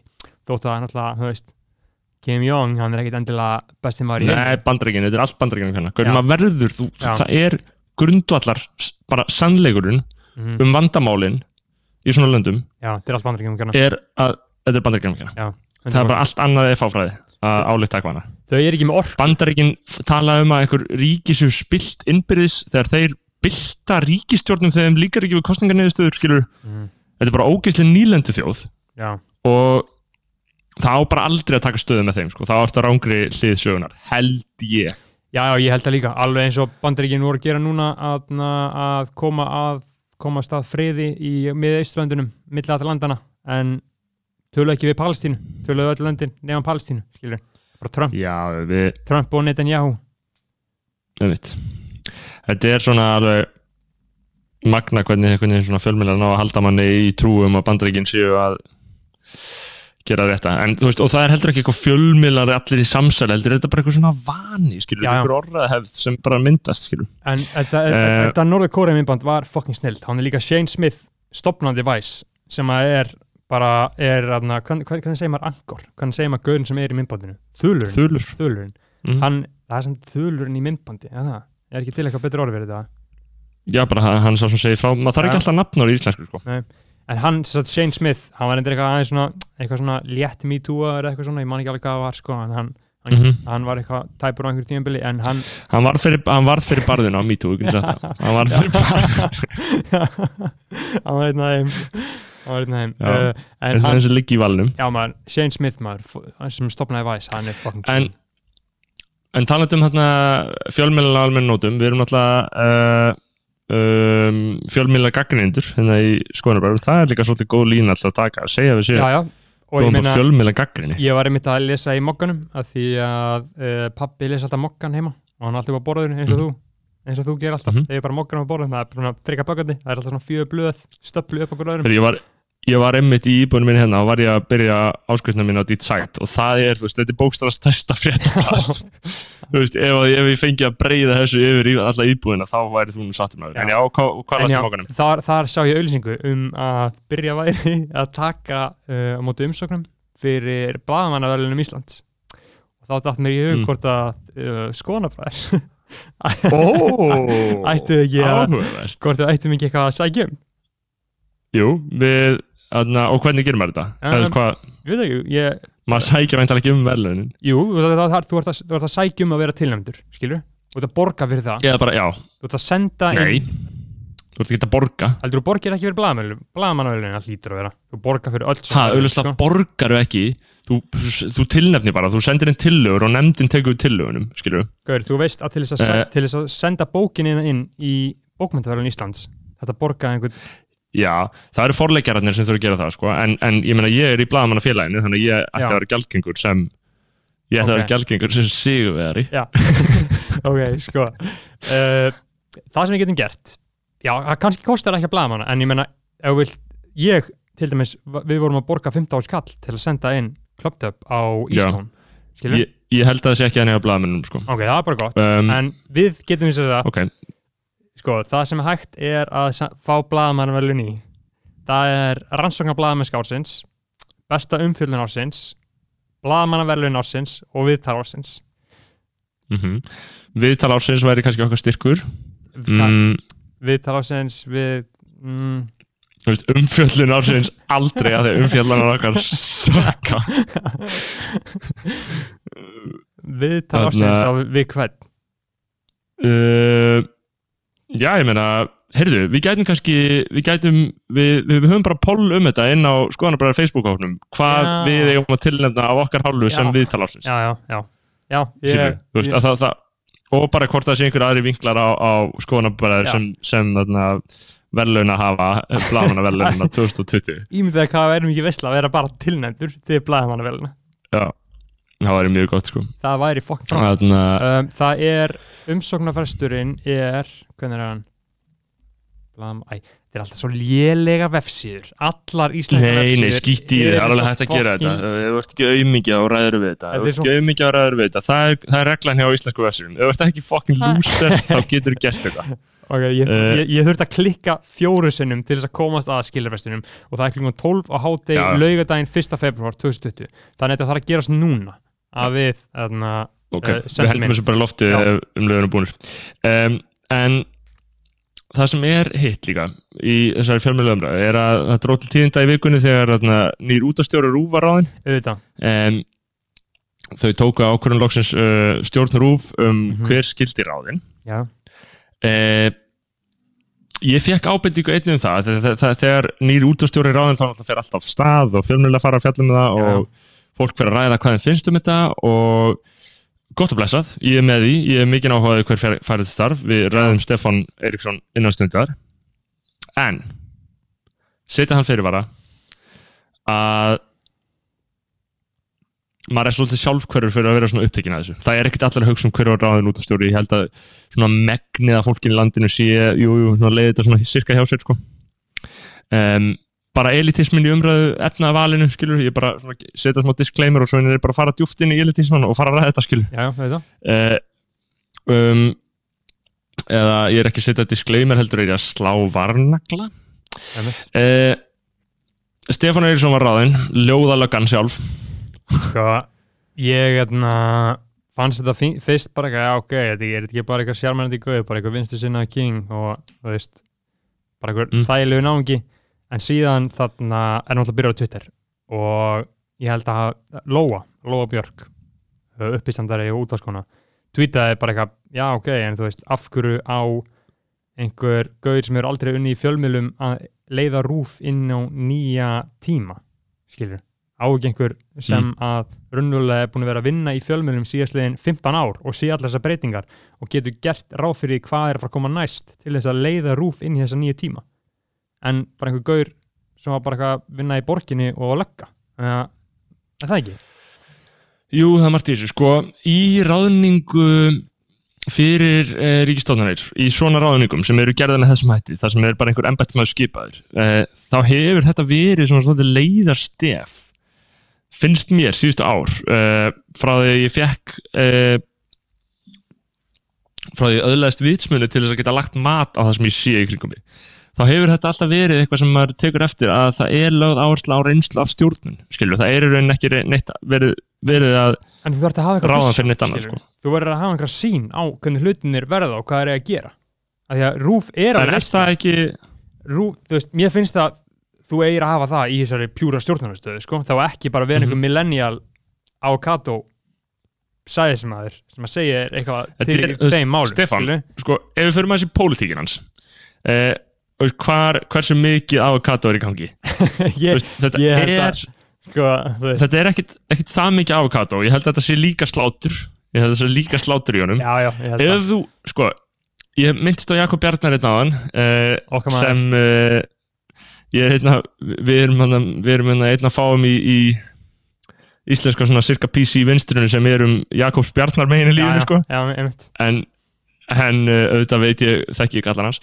Um, en meinar hann skrifaði frétt af vísi í gær sem Já. við getum ekki annað en, en, en þarna, tekið marka á. Hann skrifa svo góða Ég- fréttir maður. Það eru fucking snilt allt sem hann Já, skrifa, við- þarna- það er snilt Ég- ég les það ég, allt. ég segi nú ekkert um það og, mér finnst þetta yfirleitt þetta er, yfirleitt, þetta er skemmtileg frétt ég, ég, það, því verður ekki neita. Já. sumir virkilega hata þetta með öllum frumum í sér sko. það er fárulegt uh, Nei, það eru góðar ástæði fyrir því líka en ég er Jakobs Bjarnar meina lífinu það er kannski mótróður öskur en það er kannski líka Já. bara aðna, að því að ég er nazisti um, og hann skrifaði frétt um á vísi í gær og við, ég eins og segi, við getum ekki annað en tekið marka þessu af því að það, það hefur raunin engin mælt gegn þessu per se. Um, Mhm. að þessu hefur ekki verið mótmælt með afgerandi hætti af stjórnrúf. Uh, að sérst, valið hafi staðið þarna algjörlega. Á milli Stefáns Eiríssonar og uh, Kolbrún Halldórsdóttur. Já. Kolbrún Halldórsdóttir er sérst uh, listakona, hún var leikstjóra lengi uh, hefur verið á þingi líka í pólitík uh, verið í nokkuð í sjónvarpinu líka Kolbrún Halldórs fólk þekkir andlitið hennar eða, eða, eða sér það. Já, já, hún er auglustlega vinstirkona fyrirhundu umhverfis á þeirra Já, var á, var á þingi fyrir samfélguna nei, ég græna. Miklu frekar en Vafki, nei, ok. Vafki eh, og þarna Jakob Bjarnar stillir svo þannig upp að stjórnin hafi verið klófin hjá Rúf vinstrimennin hafi kosið uh, kolb vinstrimennir uh, í stjórninni völdu kolbrunum en hægri menninir hafi valið uh, Stefán. Einmitt Það er að segja að uh, fulltrúi sjálfstæðisflokksins, fulltrúi ráþæra sem er náttúrulega fulltrúi þarna, Lilju Alfriðsdóttur uh, og fulltrúi Virisnar hafi allir valið Stefán Eiríksson. Mhm. Svo hafi þetta bara einhvern veginn þróast þannig að Stefán Eiríksson hafi á endanum orðið, orðið fyrir valinu, uh, otta atkvæði og síðan hafi alltaf öll ákveðið að láta þetta koma þannig út að væntalega það hafi ríkt einhugur um þetta í stjórninni sem er vel að maður geri. Uh, hvort þetta segja okkur eitthvað um pólitíkin hans? Eh, það er náttúrulega bara umdæðanlegt eh, augljóslega er hann ekki róttækur vinstri maður. Hann var í vöku þegar hann var yngri eh, og eh, hefur verið í veigamiklum embættum innan ríkisins. Eh, sjálfstæði flokkurinn augljóslega hatar ekki Stefán. Nei, alls ekki. En hvernig sérðu það? hvað mennur hvað meina ég? Já, býttu, já, ég tilbæðis, hvernig sé ég það? Eh, sko, já, ég meina bara hann var ríkislauglustjóri nei, hann var uh, hann var hérna býttu, sorry, ég tilbæðist hann var sem sagt uh, lauglustjórun á höfuborgarsæðinu og síðan var hann uh, borgarítari, skilur þú veist, uh, ráðinn af uh, ég held hann hafi verið ráðinn ég veit reyndar ekki hver réðan sem lauglustjóra og sem borgarítara og síðan eru samfélgamenn ánæði með hann skilur sem Ja. að hann er svona ágætlega pólitísk hlutlaus Mhm. en uh, já, já, bara kall sem að fengið í þetta. Svo var hann alltaf gaggrinn sem betist að því að, að ekki hefði kona verið valin. Já, já, það hefur aldrei verið kona. Eða það, kona hefur ekki gengt þessari stöðu Nei. ever. En uh, við þurfum bara að, að, að sjá hvernig ég vil er að skrítið að viðhalda svona pólitísku hlutleysi. Veist, hvernig, hvernig mönnum það öll þessi ár það ekki. Það er ekki til neitt sem heitir pólitísk hlutleysi. Augljóslega, þú veist, veist, að í, ímyndaðir hann, skilur við já, já, ágætlega sæmilega. En ég meina hlutleysi er veist, hann væri ekki ráðin ef hann væri hlut, jú, hann er hlutlaus að einhver leiti en það er náttúrulega pólitísk afstæða að vera hlutlaus, skilur já, já, þannig sé uh, en uh, já, við sáum bara hvernig það þróast. Uh, það var náttúrulega, við vorum að tala um hérna þegar ég var að leita þessari djóðsins frétt þarna frá, að ég myndi eftir að lesa hana frá Jakob Bjarnari um, um hvernig þessu var háttað við stjórn, eina stjórnarinnar. Einmitt. þá var ég að, að fara í leitavélunar á vísi. Það gekk ekki sérstaklega vel. Nei, leita vel að bara bókstala virka ekki á íslenskum fjármálum Nei, leitavélar á öllum öðrum fjölmjölum en mbl.is virka ekki.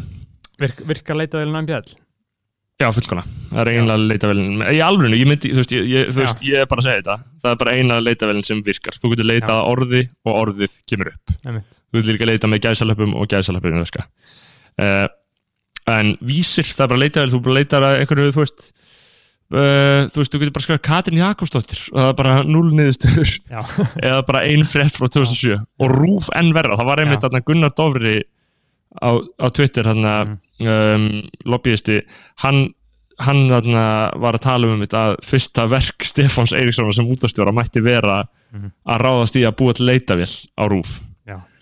Uh, og það er áhugavert hann hefur um sagt að, að svona, hann þurfa að hugsa allir framtíðir um hvernig að miðla efni og slíku Mhm. þannig að uh, nýtur útastjóri, já, já, ég held að þetta sé allir lægi og, og, og, og rúf er náttúrulega ekki sem allra verst, það er fín nöl fín nöl já hvað aðna, Eh. það, þetta er fín umræða hvað aðna, uh, sko, við stiðum rúf ofnbærlega viljum náttúrulega Mhm. bara fucking veistla þessi til að gera eitthvað dót sem er ekki hægt að gera veist, engin hérna á, á, á útvarp hundur einu með hvað sem er allt sem er gert hérna þarf að borga laun eða þetta þarf að vera arðbært skilur Mhm. rúf getur Já. raunverulega bara látið einhver nörda í einhverjum kjallar að vera að vinna í einhverju útvastætti bara í þrjá mánu á fullum launum og síðan kemur það út þetta er ekki hægt neist annars þar já, þetta er mikilsverði þess vegna getur Rúf gert svo frábært efni en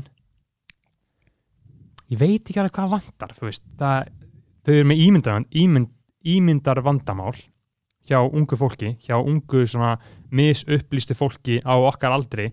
Það hugsaður um Rúf og hugsaður um bara eitthvað, bara eitthvað old shit.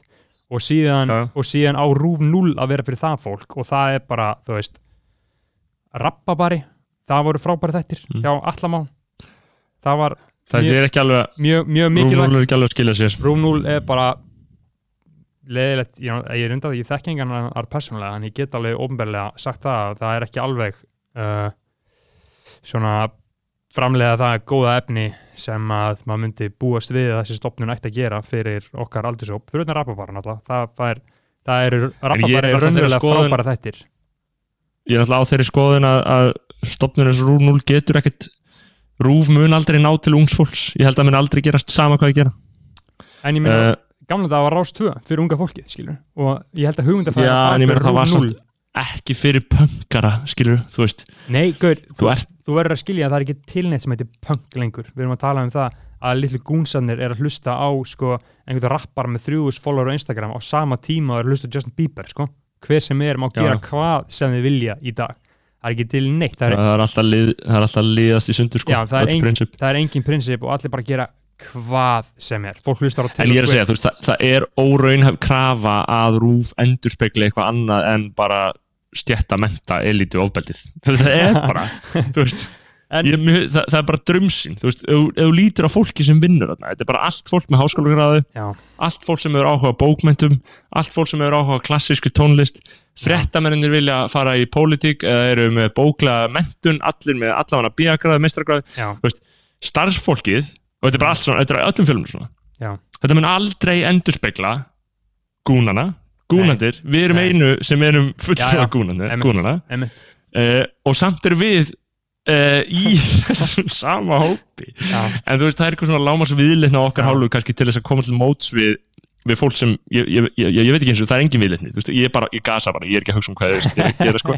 en, en ég er að segja, þú veist við erum alltaf að tala um að fjölmjöla þurfa að, að endur spekla þetta eitthvað, það er ekki hægt með fólki sem vinna hana, þú veist, það, það er bara óraunhæft, sko, finnst mér Mér finnst ekki óraunhæft að Rúnúl uh, framleiði gott quality efni fyrir ungt en fólk. þá þarf það bara að búa til fucking Tinder-lögina, skilur Nei, þú getur að því ef það er gott og ef það er gála gert og ef þú fílar það, þá fíla ekki fíla ekki fólkið sem þú ert að tala um það, Jú, jú, þú, þú, þú getur alveg fundið millvegt. ef þú myndir framlega þetta, jú, ok Til dæmis gæti hugsanlega, jú. síðasta sem að koma svona út, það var atna, sem að var gefið út hérna af uh, útvarp undurhætt, uh, þetta er Mhm. með Þórir Mr. Sör. Bara Já. frábær þáttur. Bara, ég, ég, ég horfði á þetta bara, wow, þú vil það fokkin vel framleitt og vel, vel gert hjá hann. Bara saman inspirerandi, góð saga, vel klift, gott hljóð, Kingaur, Þórir, King- minn maður, shout out to Mr. Sir, please. Já, sáttu það Mr. Sör, bara, ég, og ég hugsaði bara, wow, þú vil þarf Ísland og meira einhver svona visslu að halda, skilur, bara eitthvað Mm. gott nýtt með að inspirerandi efni, bara veit einhverju og síðan, að sé bara einhver 12 ára prodúser þetta, bara what the fuck, ok, ég get meika í Þísklandi, ég sé þetta, ok, Já. snill, ég ætla að halda áfram að gera það sem að ég ætla að gera Mhm. og það er ekki sem ég meina skólakerfið berja með inn í eitthvað mót Einmitt.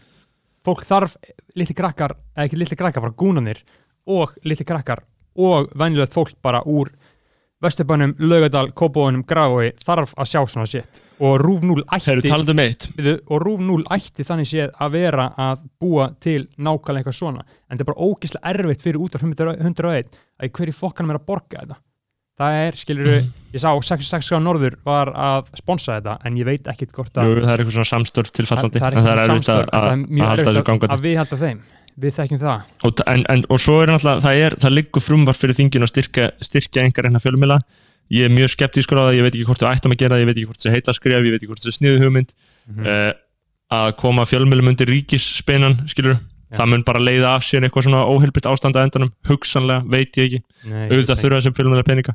Ég nenni ekki að fara til fjölmila fyrir núna ég hef einhvern veginn minnst að þetta áður en það er rosalega flókið mál Já. og ekki einhlít uh, talað um svona einmitt, einmitt 101 skilur, það, það er uh, viðletnin er fyrir hendi en Mhm. uh, það er erfitt að halda, þú veist, vera með mikið bólmagn þegar þú ert einhver ekki fjölmið af því að allir auðvitað á Facebook og Twitter og Instagram, fyrirtækjum sem borga ekki skatta er að verða ofurveldi innan ríkisins sem þið eru í, þú, veist að borga ekki skatta. Það, það, það var tilkynnt í dag að Facebook, Zuck- Zuckerberg var að segja að það væri erfitt ár 2019 fyrir Facebook og árið, árið 2018 grættu þau í tekjum tekjur 55 miljardar bandarækjadali fyrir auðlýsingar 2018, 2019 grættu þau 69 miljardar bandarækjadali í pjúra auðlýsingartekjur IRS, IRS vildi meina að að þessum auðlískutekjum skattaransóknarstofnun í bandarækjum vildi meina að þau hefur borgað eitthvað í kringum 8% skatt Já, það, er náttúrulega bara einhver að sparka upp hurðinni þá Zuckerberg taka hann ásitaki og segja you got served. Og rétt hann með skattana sko. en máli er að þú veist, síðan fer IRS að rannsaka þetta og að rannsaka fyrirtæki eins og Facebook sem með fokkin fleiri fokkin þúsundir í vinnu hjá sér við að Já, eðilegja fyrir rannsakendunum já, uh, þau þurfa bólmagn já, og síðan kippa republikanar uh, 300 miljardum dollara frá IRS á fjárlögum. Þannig að IRS ánga já. pening til að rannsaka þetta og þetta rennur út í standin ég þetta er- það, er er alltaf fokkin spill. Ég veit það, en ég fer að hugsa núna það, mér finnst það hefa ekkert finna koncept en, það, að vera í bandaríkinum og vera served. Þegar skatturinn kemur til þín. Og bara rétt svo rétt eða blæði bara you got served. Já, það er svo það er geðveikt, fucking sko. gott koncept langt tíma að sé það. En það Var- getur var en ein, ein, eina fólki sem skatturinn gerir þetta við er fátækt Já. fólk Einmitt. og fólk sem hefur gert þessu Já. en ríku fólki Einmitt. kemst upp með þetta mm, en heyrðu, við vorum að tala um klá, klárum að þessu umræðu um hana, uh, við vorum að tala um Íslands fjölmjölu umhverfi mér finnst þetta mjög, mjög Mm. áhugavert núna því ég fylgist mjög mikið með þessu uh, í bandaríkinum, hvað er að gera þar og hvað er að gerast þar og þá er rauninni heimfærið yfir Ísland, rúf 0 það á að setja meira pressa á þau, skilur þau gætu verið að þau sé að hlusta á þetta hérna núna, skilur þau eiga að vera er það ekki þeirra hlutverk að gera það einmitt þetta efni sem við erum að tala um, sem 101 er Mhm. að, er að framlega og erfitt fyrir þau að framlega því það er bara, að ég er ekki að segja þessi erfitt fyrir þau en þú veist, það er bara, þetta er algjört bara hark. En fyrir Rúf Mhm. 0 verður þetta svo létt. Þau eru bara með einhver starfsmenn á já, launum. bara launum, Bara peningar sem öllum er drull saman. Já. já, hendum fokkin hálfur miljón í þetta. Já, og, og síðan eru þau bara eitthvað núna er ég að skoða á Facebook er bara eitthvað, já, við erum að byrja með nýjan sketsja þátt og ætlum núna að kynna nýjan leikara í hverri viku. Já, nýjir leikar í nýju sketsja þáttunum okkar. Þetta er svo mikið Já, drast. þetta er já, ég þetta er svo fucking latt. Þetta er svo mikið rust já, með full Já, virðingu fyrir þeim. Þau eru auðvitað reyn besta, skilur við þú veist, ég vil ekki vera eitthvað ofharðaður skilur við, þetta eru auðvitað frábært fólk sem er að vinna hana en þú veist, og auðvitað þurfum við að vera með smá aðhald á ofnbjörn stofnunum. Já, já, það, Eh. þau, þau þurfa að heyra þetta skilur við, en, en þarna, já, já, um að gera bara einhvern veginn, en þú veist, ég er að segja bara ég held að þetta sé óraunhæft sko. ég held að það sé bókstala óraunhæft að jafn rótgróin uh, menningar vinstristofnun geri eitthvað annað en að beita vinstri menningar stjættaábeldi já, að hún muni einhvern veginn að gera eitthvað sem höfðar í alveg til fólks. Já, já, ég held að ef ég myndi fá einhver völdana, myndi ég myndi bara beita vinstri stjættafabeldi á fólki, við já, alveg 100% bara beita vinstri stjættaábeldi en þú veist, og en, tala um Sigmund Davíð eitthvað svona auglöslega alltaf að hata hann. Já, já, en, en það sem ég myndi ekki gera væri að Sigmund Davíð hata rúf svo Já. fokkin mikið sko. Já, en það sem ég myndi ekki gera væri að búa til einhvern nýjan sketcha þátt sem heitir Vandró og há, fá einhverja, þú veist, átta úlinga eða krakka, skilur við, til þess að leiki honum og borga þeim öllum laun, palli hvað það kostar. Að þau rúfum mann til að borga þessum krökkum laun og ég myndi eitthvað það er dýrt. Þeir leiki einhvern sketsum. Já, alveg. Gali sketsar eru Að- svo fokkin lélegt listformaðir Íslendingar þurfa að fara að fatta það sko. Þannig að ég er alveg samanlega sko. uh, þeir eru aldrei góðir. Íslandika Nei. get ekki búið til góða sketsa. Uh, fyrir utan Everestjættin á YouTube. Ef fólk vil fara að checka því þá er ég Mhm. með það inn á minni persónulegu YouTube síðu sjö þætti af Everestjættinni endilega checka á því. Um, að Og- því við alltaf erum áður en að ég fyrir eitthvað að því að kannski vil ég fá vinna og rúfi eitthvað skilur þannig að ég bara þetta er bara aðhald skilur ég ber mikla vinningu fyrir fólkinn sem vinna það ég, örglega Mhm. skilur en þau bara, já, aðhald, já bara aðhald. Benda á það sem Það vantar. Já, benda á það sem og ég held að Rúf 0 þykir bara væntum það sko. potið auðvitað er erfitt að meta það er auðvitað erfitt að meta markkópin sko, þegar Já. þú ert ekki markkópurinn sko. en Eh. ég held að sketsa áttu sem heitir Vandró sé ekki fyrir neitt sko. Nei, nei. Maður ef maður spyr sig Um, sko við erum alltaf ekki með endala sem tíma hérna en Nei, ég ætla líka að nefna eitt hérna að við erum að tala um að móta gúnin skilur gúnin þurfa eitthvað svona einhvern innblástur, eitthvað hjálp. Já, já, uh, þau eru að reyna að feta sig í nýri veröld. Uh, og það er alltaf breytast. Mm, og ég svona reyna að brúa að byrja að tala vel um MR af því ég þarf að gera eða mér mér líður sem þurfa að gera það ekki að tala um að það sé eitthvað betri stofnun en aðrar heldur bara að því að Æ, það var að fara í gang, þið langar að fá vinnu í MR einhvern Nei, já, mér langar í miðin já, ef mér langar einhvern veginn að vinna um mér þá er þetta bara aðhald eitthvað. Þannig að, nei, ég var bara að segja að ég var bara að segja að um, að því að mér var bent á að það er að fara í gang sem sagt, um, svona hotvinna samtök uh, máladeildarinnar í MR einmitt. uh, og þetta er málefni sem liggur mér nær, liggur uh, nær í hjarta mér af því að ég var þarna sjálfur, ég var fórtmáladeild í MR um, og af því að ég, ég bara naut þeirra forréttinda í lífinu að fá að hafa verið þar það er ekki þetta sem njóta þeirra en uh, það er hægt að stefna að því uh, og mikil svirði að, að fá að hafa verið þar uh, og deildin er í hálfgerðin niðurnýslu, ég segi ekki niðurnýslu en það, það lítur ekki vel út, það er lítil aðsókn í þetta bæða máladeild og formáladeild já. um, og ég vil bara benda einhverjum, veist, einhverjum gúns á líka bara að skoða að fara í veist, ég veit ekki hvað, ég er orðin það gamalt að ég veit ekki hvað mentaskóla er cool lengur, ég veit ekki hvað fólk er að fara í. Nei, uh, hefur þú einhverjum þekkinga, já. MR, MH sko, við erum að tala með MS í wavið, sko. Já, ok, já Men- þú men ég, ég, ég- hugmynd, þetta er bara eitthvað heyrt, sko. kannski, ertu, kannski ertu barinn á skólalóðinni ef að þú ákveður að fara í MR Já, uh, M MS á að vera eitthvað Vestló er búin að breytast mjög mikið út af atna, listabrautinni. Já, Núna er eitthvað held ég þrjár brautir alls ekki viðskipta náttúrfræði og listabraut. Og þannig að þryggja ára er allt búið að breytast sko. alltaf þegar ég hitti einhver úlinga á mennskóla þá talaði ég alltaf um sko, hvað, uh, hvað fjórar kerfi eiginlega mennskóla af því það er ekki bjórkvöld, bjórkvöld lengur skilur, nei, þetta rústa þessu algjörlega já, sko. og þetta er þetta rústa þessu algjörlega. algjörlega eiginlega þetta sko. En uh, fólk er ekki eins og fullt að uh, ríða bekkjast sínum sínum lengur sko. nei. Þú veist, ég veit ekki eins og þú veist, hvenar þá, hvenar þá sefur fólk hjá í fyrst skipti, ef ekki mennskóla almennt skilur ekki að fólk hefur náttúrulega ólíka tíma til að gera það en, en þú veist, vennilegi tíminn er skilur að gera það orð í mennskóla þú veist, það gerist bara Allt Og- og... meðaltalið eða eitthvað núna, núna munur fólk munur fólk, munur fólk gera á, á þarna, fyrsta ári í háskóla. Já, bara í stúd, Eh, stúdnapolítíkinni í stúdendapolítíkinni fucking að það fari í rösk og láta ríða sig. Vöku. Það þarf að stopna fleiri félög þannig að allir fá að ríða. Það þarf að stopna til að ná öll. Því að allir verða að stunda kynlíf Já, annars, annars hrapar fæðingatíðnin einmitt. Það verður átak.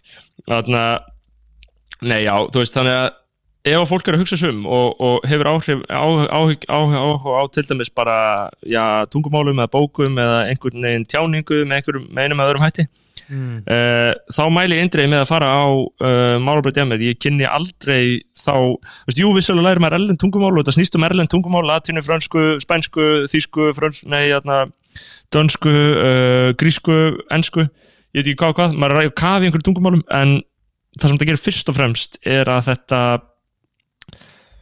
algjörlega slípar íslenskuna þína sko þú læri bara að tala þitt eigi tungumál sko. þannig að það er svona held ég það sem ég græti mest á því að hafa verið þarna sko.